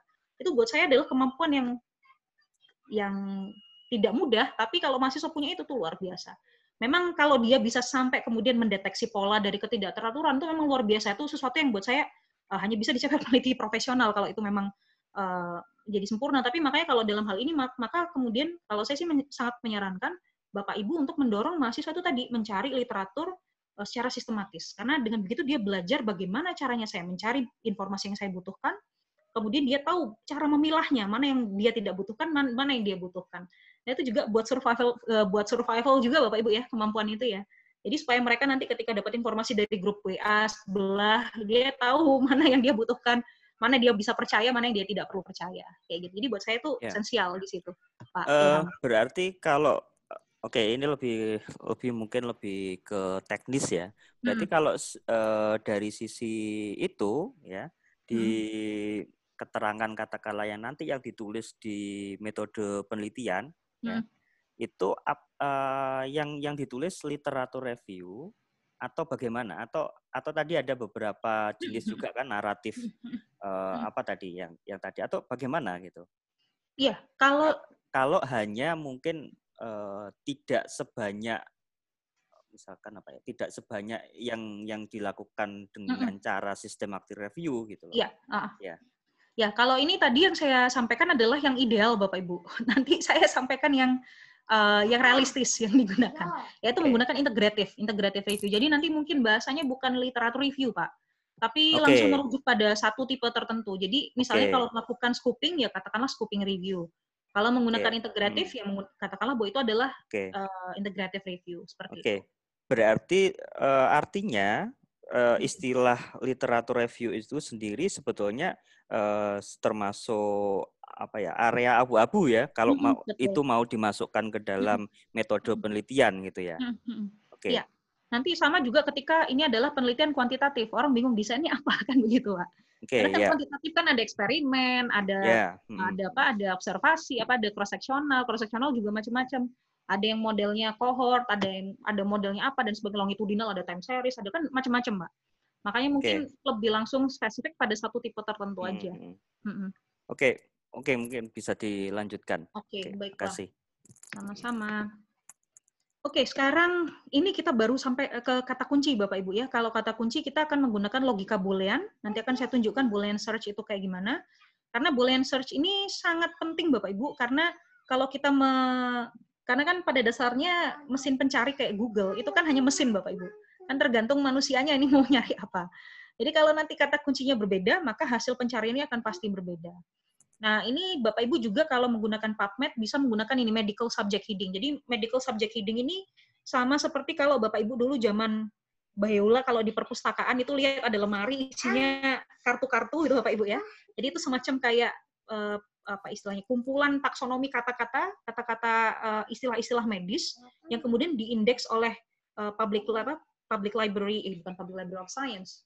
Sorry, oleh uh, oleh pengelolanya NCBI jadi mereka menggunakan medical subject heading ini untuk mencari informasi. Jadi kayak kartu-kartu yang di perpustakaan itu, kira-kira Bapak Ibu. Nanti akan saya tunjukkan kalau waktunya cukup, nanti akan saya uh, saya tunjukkan NCDI itu kayak gimana bentuknya. Dan ini Bapak Ibu, uh, kalau menggunakan uh, knowledge synthesis dalam bagian metodologi itu yang harus ditulis, wajib ditulis itu adalah kata kunci. Di situ harus disebutkan bahwa penulis atau peneliti itu menggunakan kata kunci apa, itu harus disebutkan kata kuncinya apa. Nanti akan saya sambil tunjukkan uh, contohnya integrated review, integrated review. Uh, nanti Bapak Ibu bisa mungkin sambil punya bayangan nanti ketika membimbing mahasiswa itu bentuk artikelnya kayak gimana atau sistematika uh, tugas akhirnya itu nanti akan seperti apa. Ya, um, nah ini adalah boolean search Bapak Ibu kalau di Google ya kita bisa menggunakan and, menggunakan or atau menggunakan not. Jadi kalau Bapak Ibu misalnya Toni Morrison The Nobel Prize, maka nanti hasil pencariannya akan uh, apa namanya hasil pencariannya akan mencantumkan dua kata kunci tersebut. Jadi yang cuma Toni Morrison tok dan Nobel Prize tok tidak akan dimasukkan dalam hasil pencarian. Kalau Bapak Ibu menggunakan OR, maka semua hasil pencarian yang ada Toni Morrison, ada Alice Walker, dan ada keduanya akan masuk dalam hasil pencarian. Tapi kalau misalnya not, maka Bapak Ibu nanti hanya mendapatkan hasil pencarian yang uh, mengeluarkan, yang mengecualikan, yang mengecualikan kata kata atau frasa setelah not gitu. Jadi ini seperti diagram Venn Bapak Ibu ya. Jadi hasil pencarian itu sangat bergantung pada uh, logika boolean-boolean yang Bapak Ibu masukkan dalam kata kunci. Atau boolean search yang kedua ini uh, beberapa tips kalau menggunakan Google atau menggunakan mesin pencari. Jadi ketika Bapak Ibu punya frase, misalnya health policy process, maka kalau Bapak Ibu mau hasil pencariannya itu meng, menghasilkan frase tersebut, maka itu harus dikasih tanda kutip. Karena kalau tidak dikasih tanda kutip, maka yang keluar adalah hasil pencarian yang yang health, yang ada policy, yang ada proses, dan itu bisa ketiganya ada semua. Jadi kalau misalnya Bapak Ibu tidak menggunakan tanda kutip, hasil pencariannya bisa 3 juta, tapi kalau Bapak Ibu menggunakan tanda kutip itu bisa jadi cuma 300 ribu. Kayak gitu. Ya, jadi kalau misalnya tidak menggunakan tanda kutip, maka mesin pencari akan mencari kata ini masing-masing, akan menggunakan tiga kata ini sebagai kata kunci yang berbeda. Tapi kalau menggunakan tanda kutip, maka dia akan mencari sebagai frase, jadi satu frase yang sama. Kemudian Bapak Ibu bisa menggunakan tanda strip, ini sebagai pengganti not. Jadi kalau Bapak Ibu misalnya kata kuncinya health budgeting, kemudian di tanda kutip, dia akan menjadi satu frase. Kemudian kalau ada dash, kemudian inflation, maka hasil pencarian itu hanya akan memuat yang ada health budgeting, yang tidak ada inflationnya gitu. Jadi mengecualikan inflation. Atau uh, trik yang ketiga adalah menggunakan asterisk. Jadi Bapak Ibu kalau misalnya mau kata kuncinya itu bentuknya macam-macam, kayak administration bisa administration, bisa administer, bisa administrator, bisa administer. Nah, kalau gitu yang terjadi seperti ini, maka Bapak Ibu bisa menggantinya dengan asterisk. Nah, jadi kalau Bapak Ibu masukkan kata kunci sorry. Kata kunci itu admin ya, misalnya admin terus kemudian ada tanda asteriknya begini, maka mesin pencari akan menghasilkan hasil pencarian yang yang semua varian kata yang depannya admin, entah itu mau administration, administrator, administrator, administer.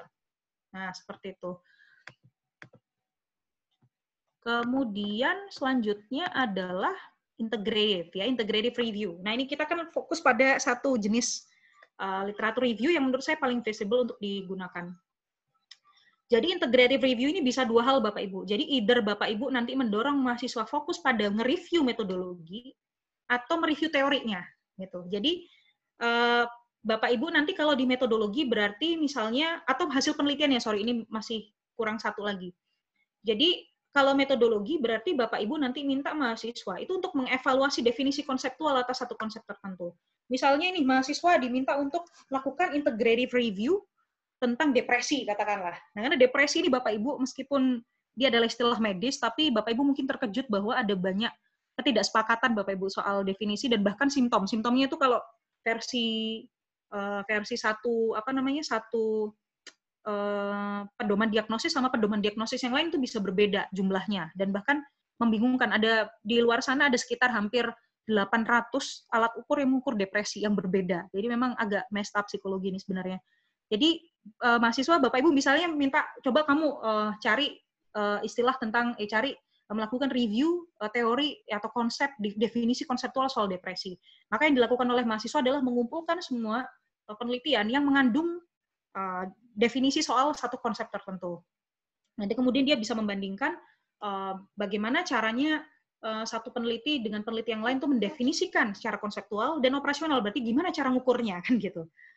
Nah kemudian yang kedua adalah teori. Jadi bisa juga uh, Bapak Ibu nanti minta mahasiswa untuk melakukan review terhadap teori katakanlah misalnya uh, kalau teori apa ya yang familiar misalnya kayak teori protection motivation theory misalnya jadi apakah nanti bagaimana individu apakah individu itu perlu ditakut-takutin dulu kemudian dia baru akan mengadopsi perilaku sehat misalnya maka dari itu kemudian Bapak Ibu diminta uh, meminta mahasiswa untuk melihat perilaku sehat promosi perilaku itu dari berbagai macam teori jadi mulai dari PMT kemudian dari model health belief health belief model kemudian teori apa, teori apa, teori apa. Jadi dia satu konsep, satu istilah, satu masalah, tapi Bapak Ibu meminta mahasiswa itu untuk melihatnya dari berbagai macam teori yang berbeda.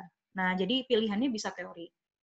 Atau yang terakhir, yang belum saya cantumkan di sini, itu adalah hasil penelitian. Nah, ini mungkin yang juga lebih, yang cukup visible juga. Uh, nanti Bapak Ibu juga mungkin karena setiap uh, setiap fokus ini mungkin saya kira ada level kesulitan yang berbeda. Mungkin kalau metodologi dan teori ini jauh lebih simple, mungkin cocok buat mahasiswa S1. Sedangkan kalau untuk yang uh, hasil penelitian, yang mereview hasil penelitian itu mungkin lebih cocok untuk mahasiswa S2, S3, uh, karena mereka diminta untuk mengumpulkan hasil penelitiannya. gitu. Jadi misalnya Bapak Ibu minta mahasiswa untuk men, uh, mencari review, mereview, melakukan integrative review pada uh, pada triase misalnya, triase ketika masa pandemi COVID-19 misalnya. Maka yang Bapak Ibu minta ke mahasiswa adalah coba kamu cari semua literatur yang mendetek yang me, meneliti soal bagaimana proses triase ketika uh, ketika masa pandemik di COVID-19. Nah, itu kemudian yang di-review itu adalah hasil penelitiannya. Nah, kira-kira begitu Bapak Ibu ya, kelihatan bedanya ya. Jadi yang pertama adalah definisi ya, definisi konseptual dan operasional dari satu konsep. Kemudian yang satunya yang berikutnya adalah konsepnya satu tapi dianalisis dari berbagai macam teori yang berbeda. Atau yang terakhir yaitu adalah tentang hasil penelitian. Jadi hasil penelitian yang diakumulasi kemudian dianalisa apa disimpulkan. Terus, jadi integrative review ini adalah yang paling baik digunakan kalau misalnya sampel artikelnya itu adalah kombinasi antara kualitatif, kuantitatif, dan theoretical paper gitu. Jadi kalau uh, misalnya cuman uh, kualitatif toh, maka Bapak Ibu disarankan menggunakan kualitatif sintesis. Tapi kalau lebih banyak yang kuantitatif, maka disarankan menggunakan meta-analisis dan systematic review. Tapi kalau ternyata artikelnya itu banyak macamnya, jadi mulai dari kualitatif, mulai dari kuantitatif, terus juga ada yang theoretical paper, maka lebih disarankan menggunakan model integrative review. Nah, ini Bapak Ibu nanti bisa dari integrative review ini bisa uh, nanti mulai dari serangkaian pertanyaan. Kemudian nanti caranya mahasiswa mengcoding informasi itu sesuai dengan pertanyaan penelitian tersebut.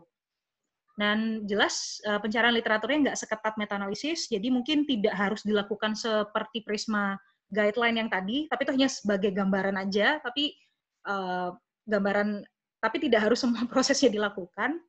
Dan biasanya kalau untuk integrative review itu um, unpublished manuscript seperti tesis, disertasi itu nggak perlu, biasanya sih tidak disertakan, jadi hanya uh, fokus pada artikel ilmiah yang diterbitkan di jurnal. Uh, berbeda dengan systematic review dan meta-analisis, jadi kualitas artikel tuh nggak bisa diskor, Bapak Ibu, kalau menggunakan integrative review. Tapi kalau Bapak Ibu menggunakan systematic review dan meta-analisis, itu ada proses yang disebut dengan quality assessment. Nah, kalau quality assessment itu nanti keluarnya skor, Bapak Ibu. Keluarnya skor, jadi harus ada skornya. Tapi kalau integrative review itu tidak perlu, tidak perlu. Jadi kualitas artikel hanya direview secara uh, secara generik dan modelnya naratif aja, jadi nggak perlu harus diskor. Uh, saya akan coba tunjukkan uh, karena tadi kalau nggak salah Bu Erda sempat menanyakan soal quality kriteria dan ini sebenarnya sepenuhnya uh, sesuatu yang ditentukan oleh peneliti sendiri Bapak Ibu ya. Jadi peneliti itu memberikan uh, skor untuk menentukan apakah artikel yang dia pilih itu artikelnya presisi atau tidak. Dia berbahaya punya risk, dia cenderung riski atau tidak.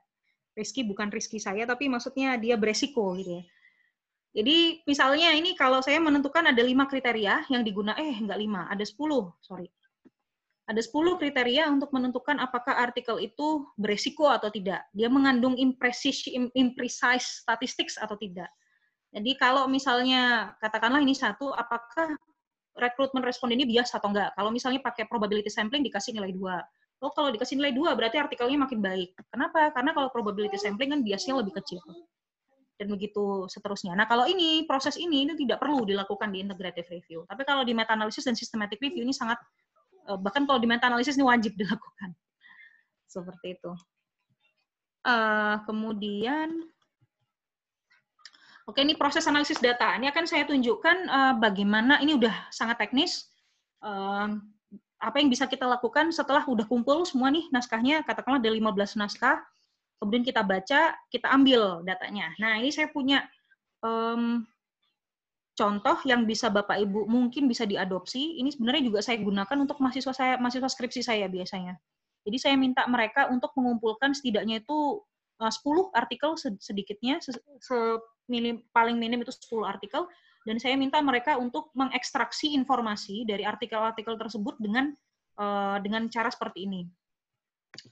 Jadi ini Bapak Ibu nanti bisa kalau Bapak Ibu klik uh, link ini nanti akan langsung ke unduh. Jadi Bapak Ibu tidak perlu banyak-banyak uh, file. Jadi kalau perlu aja nanti diunduh. Ini ada dua versi Bapak Ibu cara kita untuk mengcoding atau mengekstraksi informasi. Ini ada yang versi narasinya, ada yang versi singkat dengan spreadsheet. Kalau Bapak Ibu klik yang spreadsheet maka akan terunduh file yang ini. Ya ini jadi template-nya Bapak Ibu ya. Misalnya mahasiswa nanti uh, memasukkan pertanyaan penelitiannya apa, kemudian kata kuncinya apa di sini. Setelah itu kemudian nanti uh, diminta untuk merekam metadata artikel, jadi penulisnya namanya siapa, tahun berapa diterbitkan. Setelah itu ini bagian awal, ya ini mengikuti imrat Bapak Ibu ya.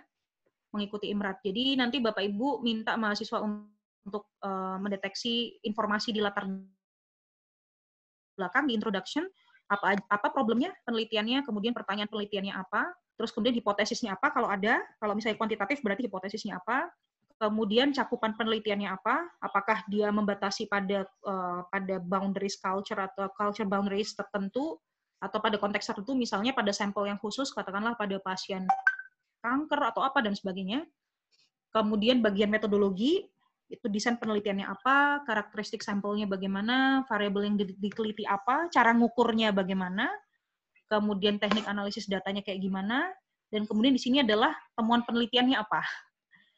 Setelah itu nanti bagian uh, pembahasan dan inkonsistensi, eh pembahasan, bagian discussion, itu kemudian minta mahasiswa untuk mendeteksi ada inkonsistensi atau enggak antara hasil penelitian di paper tersebut dengan penelitian sebelumnya, Kemudian apa saja limitasi-limitasi yang dimiliki oleh penelitian tersebut? Itu nanti di coding di sini semua.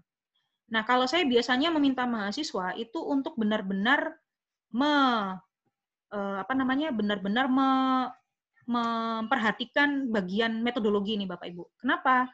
Karena biasanya tapi ini juga ini tergantung kebutuhan sekali lagi. Ini karena kebutuhan saya saya menggunakan untuk mahasiswa di seminar uh, di seminar karena kan seminar kan di, di, mereka diminta untuk menyusun proposal sehingga yang sangat penting yang saya minta mereka untuk um, paying attention the most itu adalah bagian metodologi. Jadi mereka tahu bagaimana uh, desain penelitian di penelitian itu, kemudian bagaimana cara mengukurnya. Kalau psikologi sangat terobsesi pada pengukuran Bapak Ibu ya, dan pada analisis data. Jadi kita minta mahasiswa benar-benar harus paham bagaimana caranya variabel itu di, dioperasionalisasikan menjadi pengukuran tertentu. Tapi ini tentu saja sangat beragam Bapak Ibu, artinya tergantung kebutuhan Bapak Ibu. Jadi mungkin Bapak Ibu kalau kepingin lebih kepingin mahasiswa itu untuk lebih memahami konteks, maka mungkin uh, konteks penelitian, maka mungkin uh, minta mereka untuk paying attention the most misalnya untuk melihat problem penelitian, untuk tahu bahwa sebenarnya paper itu gap penelitiannya seperti apa. Jadi ini adalah template-nya yang Bapak Ibu bisa gunakan nanti bersama dengan mahasiswa. Kemudian di sini saya juga sudah menyertakan contoh. Ini contoh ini uh, dari satu artikel. Mohon maaf ini kebetulan karena uh, hasil sebelumnya karena buat mahasiswa psikologi, jadi saya juga nggak uh, waktu itu menggunakan yang agak jauh dari kesehatan. Tapi sebenarnya artikel ini juga, iya, jadi saya mohon maaf nggak sempat membuat contoh yang yang kontekstual dengan artikel apa dengan dengan konteks kesehatan. Jadi mudah-mudahan um, mudah-mudahan membantu. Tapi saya nggak terlalu yakin ini membantu. Ya seperti itu Bapak. Jadi Bapak Ibu bisa melihat uh, di sini sudah ada petunjuknya, kemudian di sini sudah ada contohnya juga. Nah, untuk review artikel ini itu juga ada versi panjangnya. Jadi Bapak Ibu nanti bisa membandingkan antara versi panjang dengan versi yang sudah redacted seperti eh, enggak redacted apa sudah uh, sudah lebih ke, lebih kompak seperti ini. Jadi nanti uh, skemanya mungkin mahasiswa Bapak Ibu minta untuk mereview katakanlah uh, setidaknya kurang lebih 10 sampai 15 artikel misalnya Bapak Ibu kasih kisaran karena kan semua tergantung hasil pencarian Bapak Ibu ya. Katakanlah 10 sampai 15 artikel, nanti dengan membuat spreadsheet seperti ini, ini mahasiswa akan lebih mudah mengenali pola. Kalau seandainya mereka fokus pada eh, pada apa namanya pada konseptualisasi variabel di metodologi, maka mereka akan lebih banyak membandingkan di bagian ini misalnya variabel ini apa yang diteliti seperti apa, bagaimana cara menganalisisnya. Kemudian kalau ke teori mungkin Bapak Ibu nanti bisa lebih banyak lihat di bisa tambahkan satu kolom tentang teori. Kali saya saya nggak mencantumkan karena buat saya sebenarnya nggak terlalu penting di konteks ini. Tapi Bapak Ibu nanti kalau memang meminta mahasiswa untuk mereview teori, maka Bapak Ibu perlu menambahkan satu kolom lagi yaitu mencantumkan soal teori-teori apa yang digunakan. Uh, terus kemudian kalau hasil penelitian berarti nanti mahasiswa diminta untuk membandingkan uh, bagian ini Bapak Ibu. Kolom M dan N ini bandingkan antar penelitian sehingga mereka tahu apakah bagaimana sebenarnya kaitan antara satu penelitian dengan penelitian yang lain dan apa sebenarnya limitasi atau keterbatasan yang dimiliki oleh uh, penelitian tersebut. Jadi ini akan sangat mudah secara visual untuk uh, dinavigasikan gitu oleh mahasiswa. Uh, ini kayaknya ada banyak pertanyaan. Oke. Okay. Oh, oh sebenarnya oh sudah sudah dijawab baiklah. Tidak perlu saya jawab kalau gitu. Begitu kira-kira Bapak Ibu ini untuk apa namanya untuk spreadsheet-nya untuk coding ya, untuk coding informasi. Jadi mahasiswa bisa merekam hasil analisisnya, hasil pencarian datanya di sini, mengumpulkan datanya di sini. Uh, kemudian nanti Bapak Ibu bisa mendorong mahasiswa untuk membandingkan antar sampel. Nah, membandingkan data antar sampel ya nanti tinggal diminta aja mereka untuk membandingkan misalnya kalau desain ya coba aja nanti lihat dibandingkan di kolom kolom desain penelitian satu-satu gitu. Ini akan sangat mudah nanti ketika dikumpulkan jadi satu seperti ini. Kemudian Bapak Ibu juga bisa nanti mendorong mahasiswa untuk apa, menyajikan uh, perbandingan sampel tadi, hasil analisis data tadi itu dengan cara visual. Nanti akan saya tunjukkan contohnya seperti apa. Nah, data analisis itu apa saja Bapak Ibu yang bisa dilakukan? Mungkin mahasiswa nanti diminta untuk melihat apakah ada pola atau tema tertentu dalam satu penelitian ya dalam uh, literatur-literatur yang dia sudah analisis apakah plausible atau tidak, intervensi atau tindakan tertentu misalnya dilakukan berdasarkan studi yang mereka lakukan ya dari dari apa artikel-artikel yang mereka kumpulkan atau mereka bisa melakukan clustering, counting, bisa menggunakan compare and contrast ya.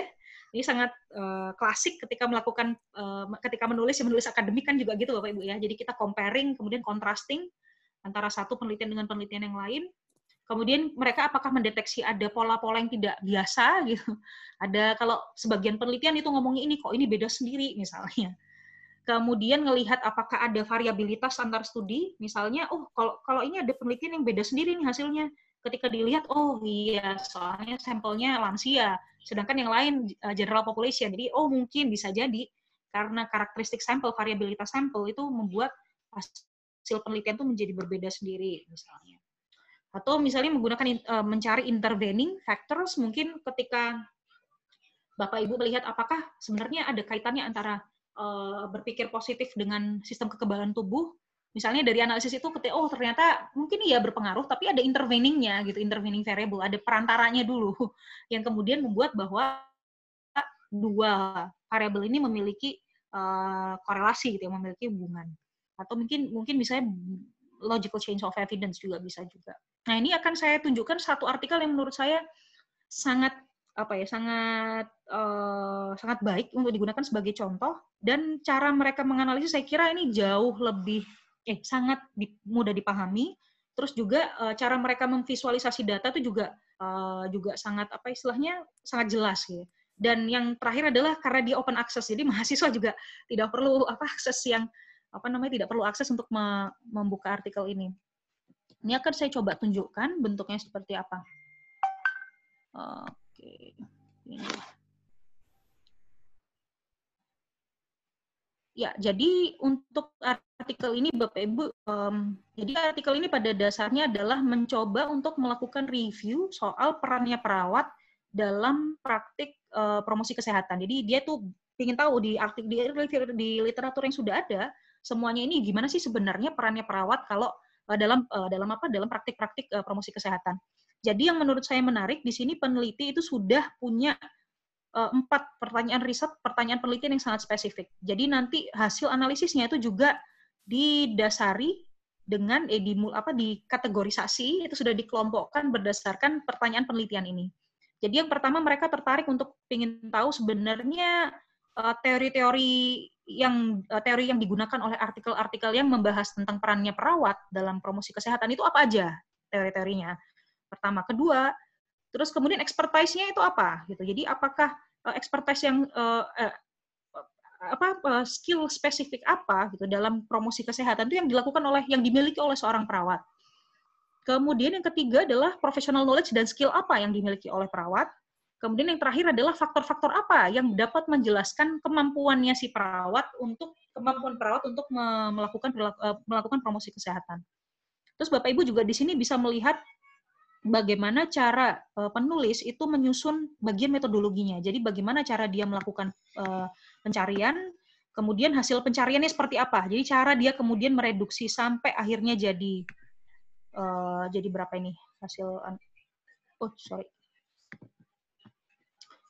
Jadi pertama mereka dapatnya 1141 artikel. Jadi ada 119 dari Cochrane, kemudian 227 dari Cina, kemudian 345 dari PubMed, 128 dari Web of Science, dan selanjutnya akhirnya kemudian yang terakhir yang mereka analisa adalah 412 research paper. Nah, ini prosesnya seperti apa nih mereka menjelaskan di sini. Nah, kemudian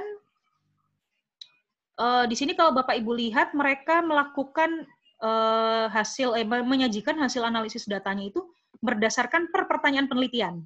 Ya, jadi mereka mengorganisasinya berdasarkan pertanyaan penelitian. Jadi ini pertanyaan penelitian yang pertama, kemudian ini adalah pertanyaan penelitian yang kedua, dan begitu seterusnya. Dan mereka juga menyajikannya secara visual. Ini akan saya coba perlihatkan. Jadi ini adalah pertanyaan penelitian kedua. Jadi mengenai expertise apa yang dimiliki oleh seorang perawat ketika melakukan uh, promosi kesehatan. Ya, jadi mereka membagi membagi menjadi tiga. Oh, dari tema-tema dari penelitian yang sudah dikumpulkan itu ada tiga ternyata expertise-nya. Pertama menjadi general promoter, kemudian kedua patient focus, dan yang terakhir menjadi manager untuk project ya, untuk uh, proyek apa? Untuk program ya, program uh, promosi kesehatan. Kemudian artikelnya mana aja yang menyebutkan ini disebutkan di sini. Nah, jadi menurut saya contoh yang ideal yang bisa Bapak Ibu bisa jadikan bisa di look up lah sebagai apa? Sebagai benchmark Kira-kira seperti itu. Uh, sebentar. Oke. Okay. Wait, sorry. Um, share screen. Oke, okay, mungkin Ini. Ada okay. pertanyaan? Ya, kira-kira itu saja Bapak Ibu yang bisa saya ya. sampaikan. Semoga Karena tidak ya waktunya juga ya sudah, waktunya juga ya. sudah hampir dua jam eh sudah sudah dua jaman ya wah iya sudah lama ya. sekali ya Ya. Terima kasih Bapak Ibu silahkan kalau ada pertanyaan. Nah ini rupanya dari Bu Ulul. Hmm. Ada tiga pertanyaan ya. Jadi yang pertama mungkin Bu Amel juga bisa lihat di hmm, hmm, grup chat ya. Pertama soal integratif review ini dipakai uh, apakah hanya untuk apa ya pada saat membuat tinjauan pustaka atau bagaimana? Itu yang pertama. Terus kedua berapa lama biasanya mahasiswa bisa menyelesaikan uh, tahapan itu tadi integratif review dan yang lain-lain itu. Lalu umumnya seberapa besar effort ya yang di yang biasanya dibutuhkan untuk uh, systematic review menurut pengalaman uh, Bu Amel. Terus kemudian waktunya ya, apakah butuh satu uh, termasuk jumlah orangnya ya, apakah butuh satu orang yeah. atau iya. bagaimana yeah. untuk artikel appraisal? Mungkin mm-hmm. uh, untuk scoring tadi ya, itu uh, butuh berapa orang? Terus ini ya, agak mungkin pengalaman praktis ya. Kalau yeah, iya. psikologi yeah. kondisi pandemi gini masih tetap penelitian enggak gitu? Oke. Okay. Ya mungkin silakan dijawab. Ya, untuk mahasiswa. Jadi uh, untuk mahasiswa sebenarnya saya tidak meng, tidak meng, meminta mereka untuk melakukan integrative review sih sebenarnya. Jadi sebenarnya integrative review itu kan prosesnya yang ditekankan adalah cara mencarinya. Jadi saya tidak meminta mahasiswa untuk mencari secara sistematis. Saya minta mereka carilah pokoknya yang relevan kayak begitu. Tapi model codingnya itu saya menggunakan spreadsheet yang tadi. Jadi kalau saya sih ya karena kan posisinya itu mahasiswa seminar yang waktunya cuma tiga bulan untuk menentukan topik untuk skripsi. Jadi memang ya uh, memang nggak bisa diminta untuk melakukan integrative review karena integrative review itu sudah satu penelitian sendiri gitu. Karena sekali lagi kata kuncinya adalah uh, model sintesis pengetahuan untuk dia disebut sebagai penelitian gitu ya. Disebut sebagai penelitian yang uh, sendiri ya, artinya penelitian sendiri yang yang bisa dianggap sebagai satu penelitian itu ketika itu tadi strategi pencarian itu dilakukan secara sistematis. Nah, kalau di mahasiswa saya, saya nggak minta mereka mencari secara sistematis, terus pokoknya kon golek oh sing relevan kayak gitu. Nah, mungkin ketika itu dijadikan sebagai skripsi, maka tentu saja kita bisa menambahkan proses pencarian sistematis itu sebagai bagian untuk uh, bagian supaya penelitian mereka itu dianggap sebagai penelitian. Jadi bukan untuk melakukan review literatur untuk kepentingan penelitian empirik. Nah, itu mungkin kira-kira perbedaannya. Jadi waktu di seminar itu saya minta mereka melakukan review literatur untuk kepentingan mereka melakukan uh, apa uh, penelitian empirik. Terus kemudian untuk integrative review jelas saya tidak meminta mereka melakukannya karena hanya untuk mencari literatur dan mengkodingnya menjadi spreadsheet itu itu setidaknya satu ya setengah mata kuliah seminar. Jadi kira-kira berapa itu? Dua bulan. Jadi termasuk memilih topik, menyusun kata kunci, terus minta mereka mencari apa merumuskan pertanyaan penelitian itu sekitar ya tiga bulan berarti setengah semester sampai mereka kemudian menyelesaikan codingnya saja. Gitu. Itu menyelesaikan codingnya saja itu belum dianalisis, belum dia apa-apa. Jadi mahasiswa tuh saya minta mengumpulkan uh, spreadsheet yang tadi itu yang sudah isinya sudah isian uh, apa namanya sudah isian uh, setidaknya itu 10 artikel, minimal 10 artikel penelitian yang relevan. Terus kalau di psikologi, kalau ini saya kebetulan karena memang bukan pengambil kebijakan, kan saya tidak benar-benar tahu sebenarnya keputusan dari fakultas itu seperti apa. Namun pada dasarnya kalau dalam kondisi pandemik seperti ini itu uh, tidak banyak perubahan sih yang kalau di psikologi karena uh, di psikologi itu mahasiswa sudah terbiasa mengumpulkan data menggunakan kuesioner online pertama, terus kedua uh, menggunakan uh, data sekunder itu juga dibolehkan sehingga mahasiswa itu pada dasarnya uh, bisa menggunakan uh, bisa menggunakan opsi data sekunder. Meskipun sekali lagi Bapak Ibu apa yang terjadi di psikologi tidak selalu cocok dengan semua kondisi apa pun karena kan ya apa persoalan ini memang sendiri-sendiri.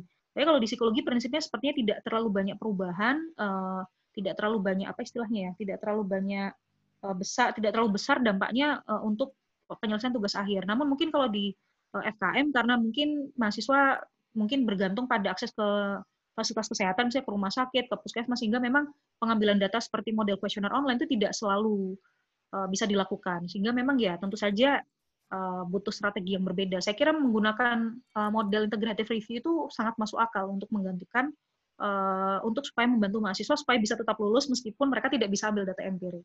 Atau mungkin Bapak Ibu juga bisa mendorong mahasiswa menggunakan data sekunder. Contohnya misalnya Bapak Ibu bisa meminta mereka untuk menggunakan data IFLS. Kalau mahasiswanya sekali lagi kalau mahasiswanya memang punya uh, punya, punya passion dan memang bisa melakukannya. Tapi sekali lagi kita melihat kondisi mahasiswa juga, Bapak Ibu. Um, ya kalau buat saya sih sebenarnya ini kasuistik ya. Kadang-kadang kita juga nggak bisa uh, memastikan, eh nggak bisa mem mentreatment mahasiswa itu, uh, memberikan uh, apa istilahnya ya, target belajar yang sama pada setiap mahasiswa, tergantung kondisi mereka juga. Kadang-kadang kan kalau kita terapkan sama kan kasihan mahasiswa mungkin ada yang dari keluarga nggak mampu, yang sekarang internetnya susah dan sebagainya. Ya kita juga memang harus uh, apa ya sebagai dosen ya mungkin juga perlu bijak lah untuk apa untuk melihat kondisi mahasiswa kita dalam kondisi seperti ini. Kalau itu dari saya mungkin Bapak Ibu. Ya. Oke, hmm. mungkin itu tadi uh, penjelasan dari pertanyaan Bu Ulul. Hmm. Mungkin ada yang lain ya. Izin nambahin boleh nggak Pak Ilham? Oh, Izin pakai mic juga ya.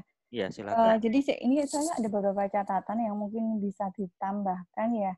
Yang pertama sih terkait dengan grey literature tadi. Grey literature itu apa sih sebenarnya? Tadi kan uh, Bu Amel kan baru menyebutkan itu bisa skripsi, disertasi atau uh, tesis ya yang ada di, di repositori. Nah, sebenarnya kan bisa lebih luas daripada itu. Jadi misalkan kita juga bisa pakai report dari organisasi apa pun, misalkan kayak uh, pandemi COVID gini, kita bisa pakai reportnya uh, dari CDC, dari WHO, dari mana pun. Nah, itu kalau sepemahaman saya itu termasuk uh, dalam grey literatur itu yang pertama. Terus kemudian yang kedua uh, tentang kebetulan kan saya punya pengalaman juga uh, literatur review saya kan sudah accepted tinggal nunggu publish. Tapi ini yang literatur review jadi begini sebentar. Uh, yang kita biasa paham tentang literatur review itu adalah integrative review, tapi kita nggak paham dengan bahasa integrative review yang biasa kita lakukan padahal sebenarnya ya itu itu itu namanya literatur review. Karena kalau dilihat di request-request jurnal itu ya seperti tadi yang biasa kita lakukan juga yang tadi sudah diceritakan Bu Amel ya kita minta aja apa kira-kira topik apa yang mau direview research questionnya apa terserah sudah cara carinya itu bagaimana. Nah itu yang biasa kita lakukan. Kita yang uh, yang dilakukan di tinjauan pustaka skripsi tesis ataupun disertasi Nah, itu yang biasa kita lakukan. Nah, tapi terus kemudian bedanya dengan systematic review karena dalam systematic review itu metodenya yang dipakai di systematic review itu harus bisa digunakan oleh peneliti lain, semisal dia mau mengadopsi penelitian itu dengan menggunakan search term yang sama, misalkan seperti itu. Karena itu search term-nya itu harus ditulis, dituliskan di situ termasuk juga database-nya apa. Jadi itu yang membedakan dengan uh, literatur review yang biasa kita lakukan. Termasuk juga penggunaan Prisma tadi. Prisma tadi kan sudah dicontohkan Prisma kan biasanya kan hanya untuk systematic review saja, tapi untuk literatur review atau integrative review yang biasa dilakukan itu biasanya kan tidak seperti itu.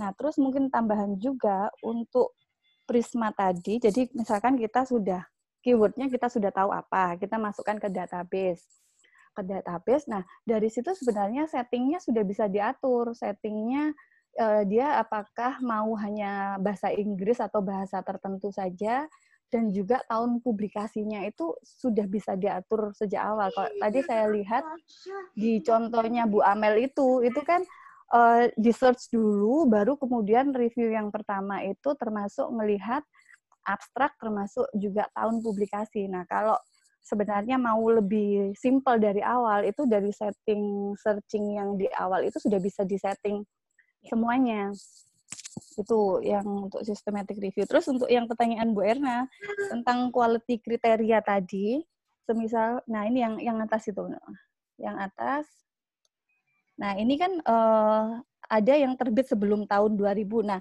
ini kalau pengalaman saya melakukan systematic review untuk tesis dulu, S2 dulu, ini di, bisa dilakukan di tahap identifikasi. Jadi dari awal itu sudah kita masukkan ada batasan tahun dan batasan bahasa dari uh, artikel yang mau kita search.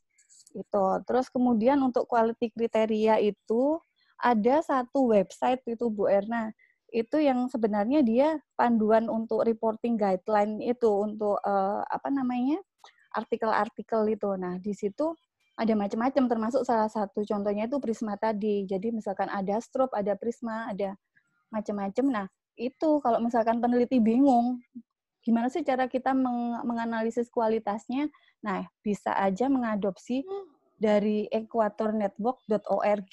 Itu cukup lengkap dan biasanya kalau kita submitnya di jurnal Q1, Q2, mereka pasti minta bahwa manuskrip kita itu sudah memenuhi reporting guideline untuk jenis-jenis uh, studi yang kita tulis. Itu, itu aja sih uh, tambahan. Tapi nggak ngerti kira-kira benar apa nggak ini saya tanya sama Bu Awel. ya, gimana? Ada yang lain mungkin Bapak Ibu? Oke, jadi uh, ini mungkin saya ya saya terima kasih banyak Bu Ingat tambahannya. Jadi uh, ini mungkin saya perlu jelaskan juga. Jadi pada dasarnya memang betul bahwa setiap uh, apa namanya uh, mesin pencari itu kita bisa spesifikasikan pada misalnya pada bahkan kalau di Scopus Bapak Ibu bisa pilih uh, uh, institusinya gitu. Jadi institusinya bisa difilter, kemudian bahkan negaranya bisa difilter, bahasanya bisa difilter, tahunnya juga bisa difilter. Nah, kenapa di sini kemudian ada naskah yang terbit sebelum tahun 2000 itu karena pada dasarnya begini Bapak Ibu. Jadi kadang-kadang metadatanya naskah itu nggak sesuai dengan mesin pencari. Ya apa metadatanya naskah itu tidak sesuai dengan uh, naskahnya sebenarnya. Jadi metadata yang ada di apa di mesin pencari itu beda sama naskahnya.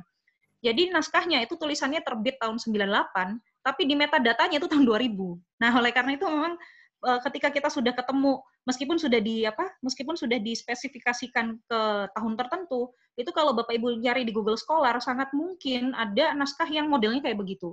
Jadi antara metadata sama yang sebenarnya itu nggak nggak sama, nggak sinkron.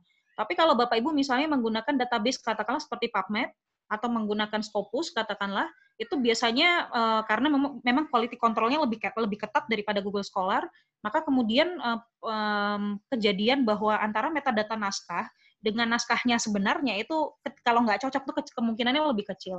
Makanya sebenarnya ketika Bapak Ibu menggunakan Google Scholar sebagai database untuk melakukan uh, mencari literatur itu memang tantangannya adalah uh, dia me, paling banyak biasanya hasil pencariannya tapi kemudian me, apa namanya memfilter atau me, memilih naskahnya itu yang butuh butuh energi yang lebih lebih besar gitu. Terus kemudian untuk grey literature, grey literature ini ada di sorry sorry sorry saya stop sharing dulu. Ya ini untuk grey literature itu apa aja nih Bapak Ibu bisa klik uh, linknya nanti kemudian akan refer ke satu uh, sorry ini refer ke mana satu library ini Bapak Ibu nanti bisa melihat apa aja yang termasuk sebagai uh, grey literature. Jadi grey literature itu banyak sekali modelnya Bapak Ibu. Jadi Bapak Ibu bisa uh, grey literature itu termasuk proceeding, terus juga termasuk proceeding yang tidak diterbitkan Bapak Ibu ya.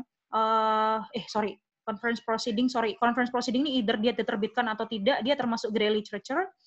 Terus kemudian preprint, kemudian working report, bahkan kemudian market research, kemudian state of the art report yang itu dikeluarkan oleh lembaga komersial, oleh NGO, oleh pemerintah dan sebagainya itu semua masuk dalam uh, kategori yang disebut dengan grey literature. Jadi seperti itu ini apa aja daftarnya Bapak Ibu nanti bisa uh, bisa me, ini bisa di uh, bisa dibuka. Kemudian selanjutnya adalah apa lagi tadi saya lupa. sorry sorry sorry. Um, waduh Bentar, bentar, bentar. Oke, okay, ya um, pada dasarnya sih kalau oh ini ada pertanyaan lagi. Oh ya, uh, jadi sebenarnya kalau Bapak Ibu membuka di Prisma, di Prisma itu sebenarnya sudah uh, sudah ada uh, guideline atau apa saja yang harus dilaporkan ketika Bapak Ibu melakukan systematic review atau meta analisis. Jadi menurut saya sih sebenarnya dengan satu artikel ini, artikelnya Prisma Statement ini, ini sudah cukup komprehensif untuk Eh, menjelaskan apa aja yang Bapak Ibu harus laporkan ketika menggunakan systematic review atau meta analisis. Jadi contohnya di sini, misalnya ini checklistnya. Uh, jadi di checklist ini nanti misalnya pertama introduction itu isinya harusnya apa aja. Terus kemudian protokol itu uh, apa saja. Terus kemudian untuk result itu apa saja yang harus dilaporkan. Tapi sekali lagi Bapak Ibu ini hanya masuk akal ketika dilakukan oleh uh, peneliti yang sudah berpengalaman. Tapi kalau untuk mahasiswa saya kira memang uh, kita perlu agak lebih uh, fleksibel ya. Kalau buat saya sih sebenarnya sekali lagi cara mereka untuk me mencari literatur itu kemudian bagaimana mereka menyimpulkan itu buat saya sih sebenarnya sudah skill yang kalau mereka bisa melakukan itu itu sudah menurut saya sih sudah cukup untuk level S1. Mungkin ada lagi Mas uh, Bapak Ibu yang ingin menambahkan atau mungkin bisa berkomentar, mungkin menambahkan atau uh, mungkin pertanyaan. Silahkan Bapak Ibu. Iya. Mungkin uh, kalau ada satu pertanyaan lagi ya, karena kita bisa tutup uh, mungkin jam 12.30 karena uh, kita mulai dari jam 10 ya.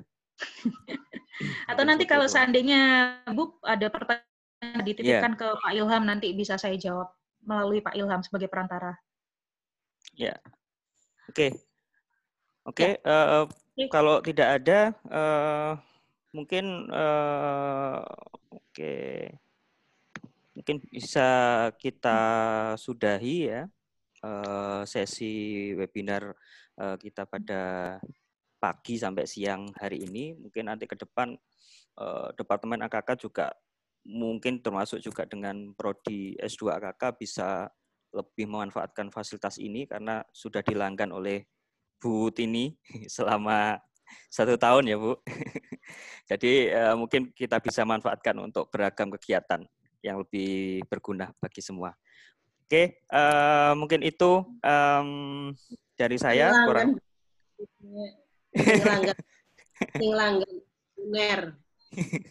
Iya, iya melalui eh, melalui kemarin kengototannya Bu Tini. Ya, Oke. Alhamdulillah Oke, uh, dari saya uh, terima kasih atas uh, atensinya, termasuk tadi uh, mohon maaf kalau uh, tadi ada sempat ada trouble ya di di awal saya juga mungkin uh, ke depan akan mengingatkan untuk uh, kita cek satu-satu lagi sebelum kita mulai. Terima kasih atas uh, partisipasinya atas atensi Bapak Ibu selama dua jam setengah ini. Ya, mungkin itu aja. Saya akhiri. Wassalamualaikum warahmatullahi wabarakatuh. Selamat siang semuanya. Nah, gimana? Uh, ya lumayan panjang, cukup uh, mungkin cukup membuat kalian uh, tercerahkan atau mungkin ada banyak hal yang ingin ditanyakan. Nah, uh, beberapa materi termasuk uh, tautan yang uh, membahas masalah seputar tadi seputar literatur review dan yang lain-lain uh, bisa kalian lihat di deskripsi dari podcast episode ke-9 uh, kali ini. Terkait dengan beberapa pertanyaan juga mungkin uh, kalian bisa tanyakan langsung dengan uh, narasumber dengan Bu Amel juga bisa kalian kontak melalui akun uh, Twitter uh, Twitternya yang juga ada di uh, deskripsi uh, podcast ya. Terima kasih atas perhatiannya. Semoga ini bermanfaat untuk kalian semua. Assalamualaikum warahmatullahi wabarakatuh.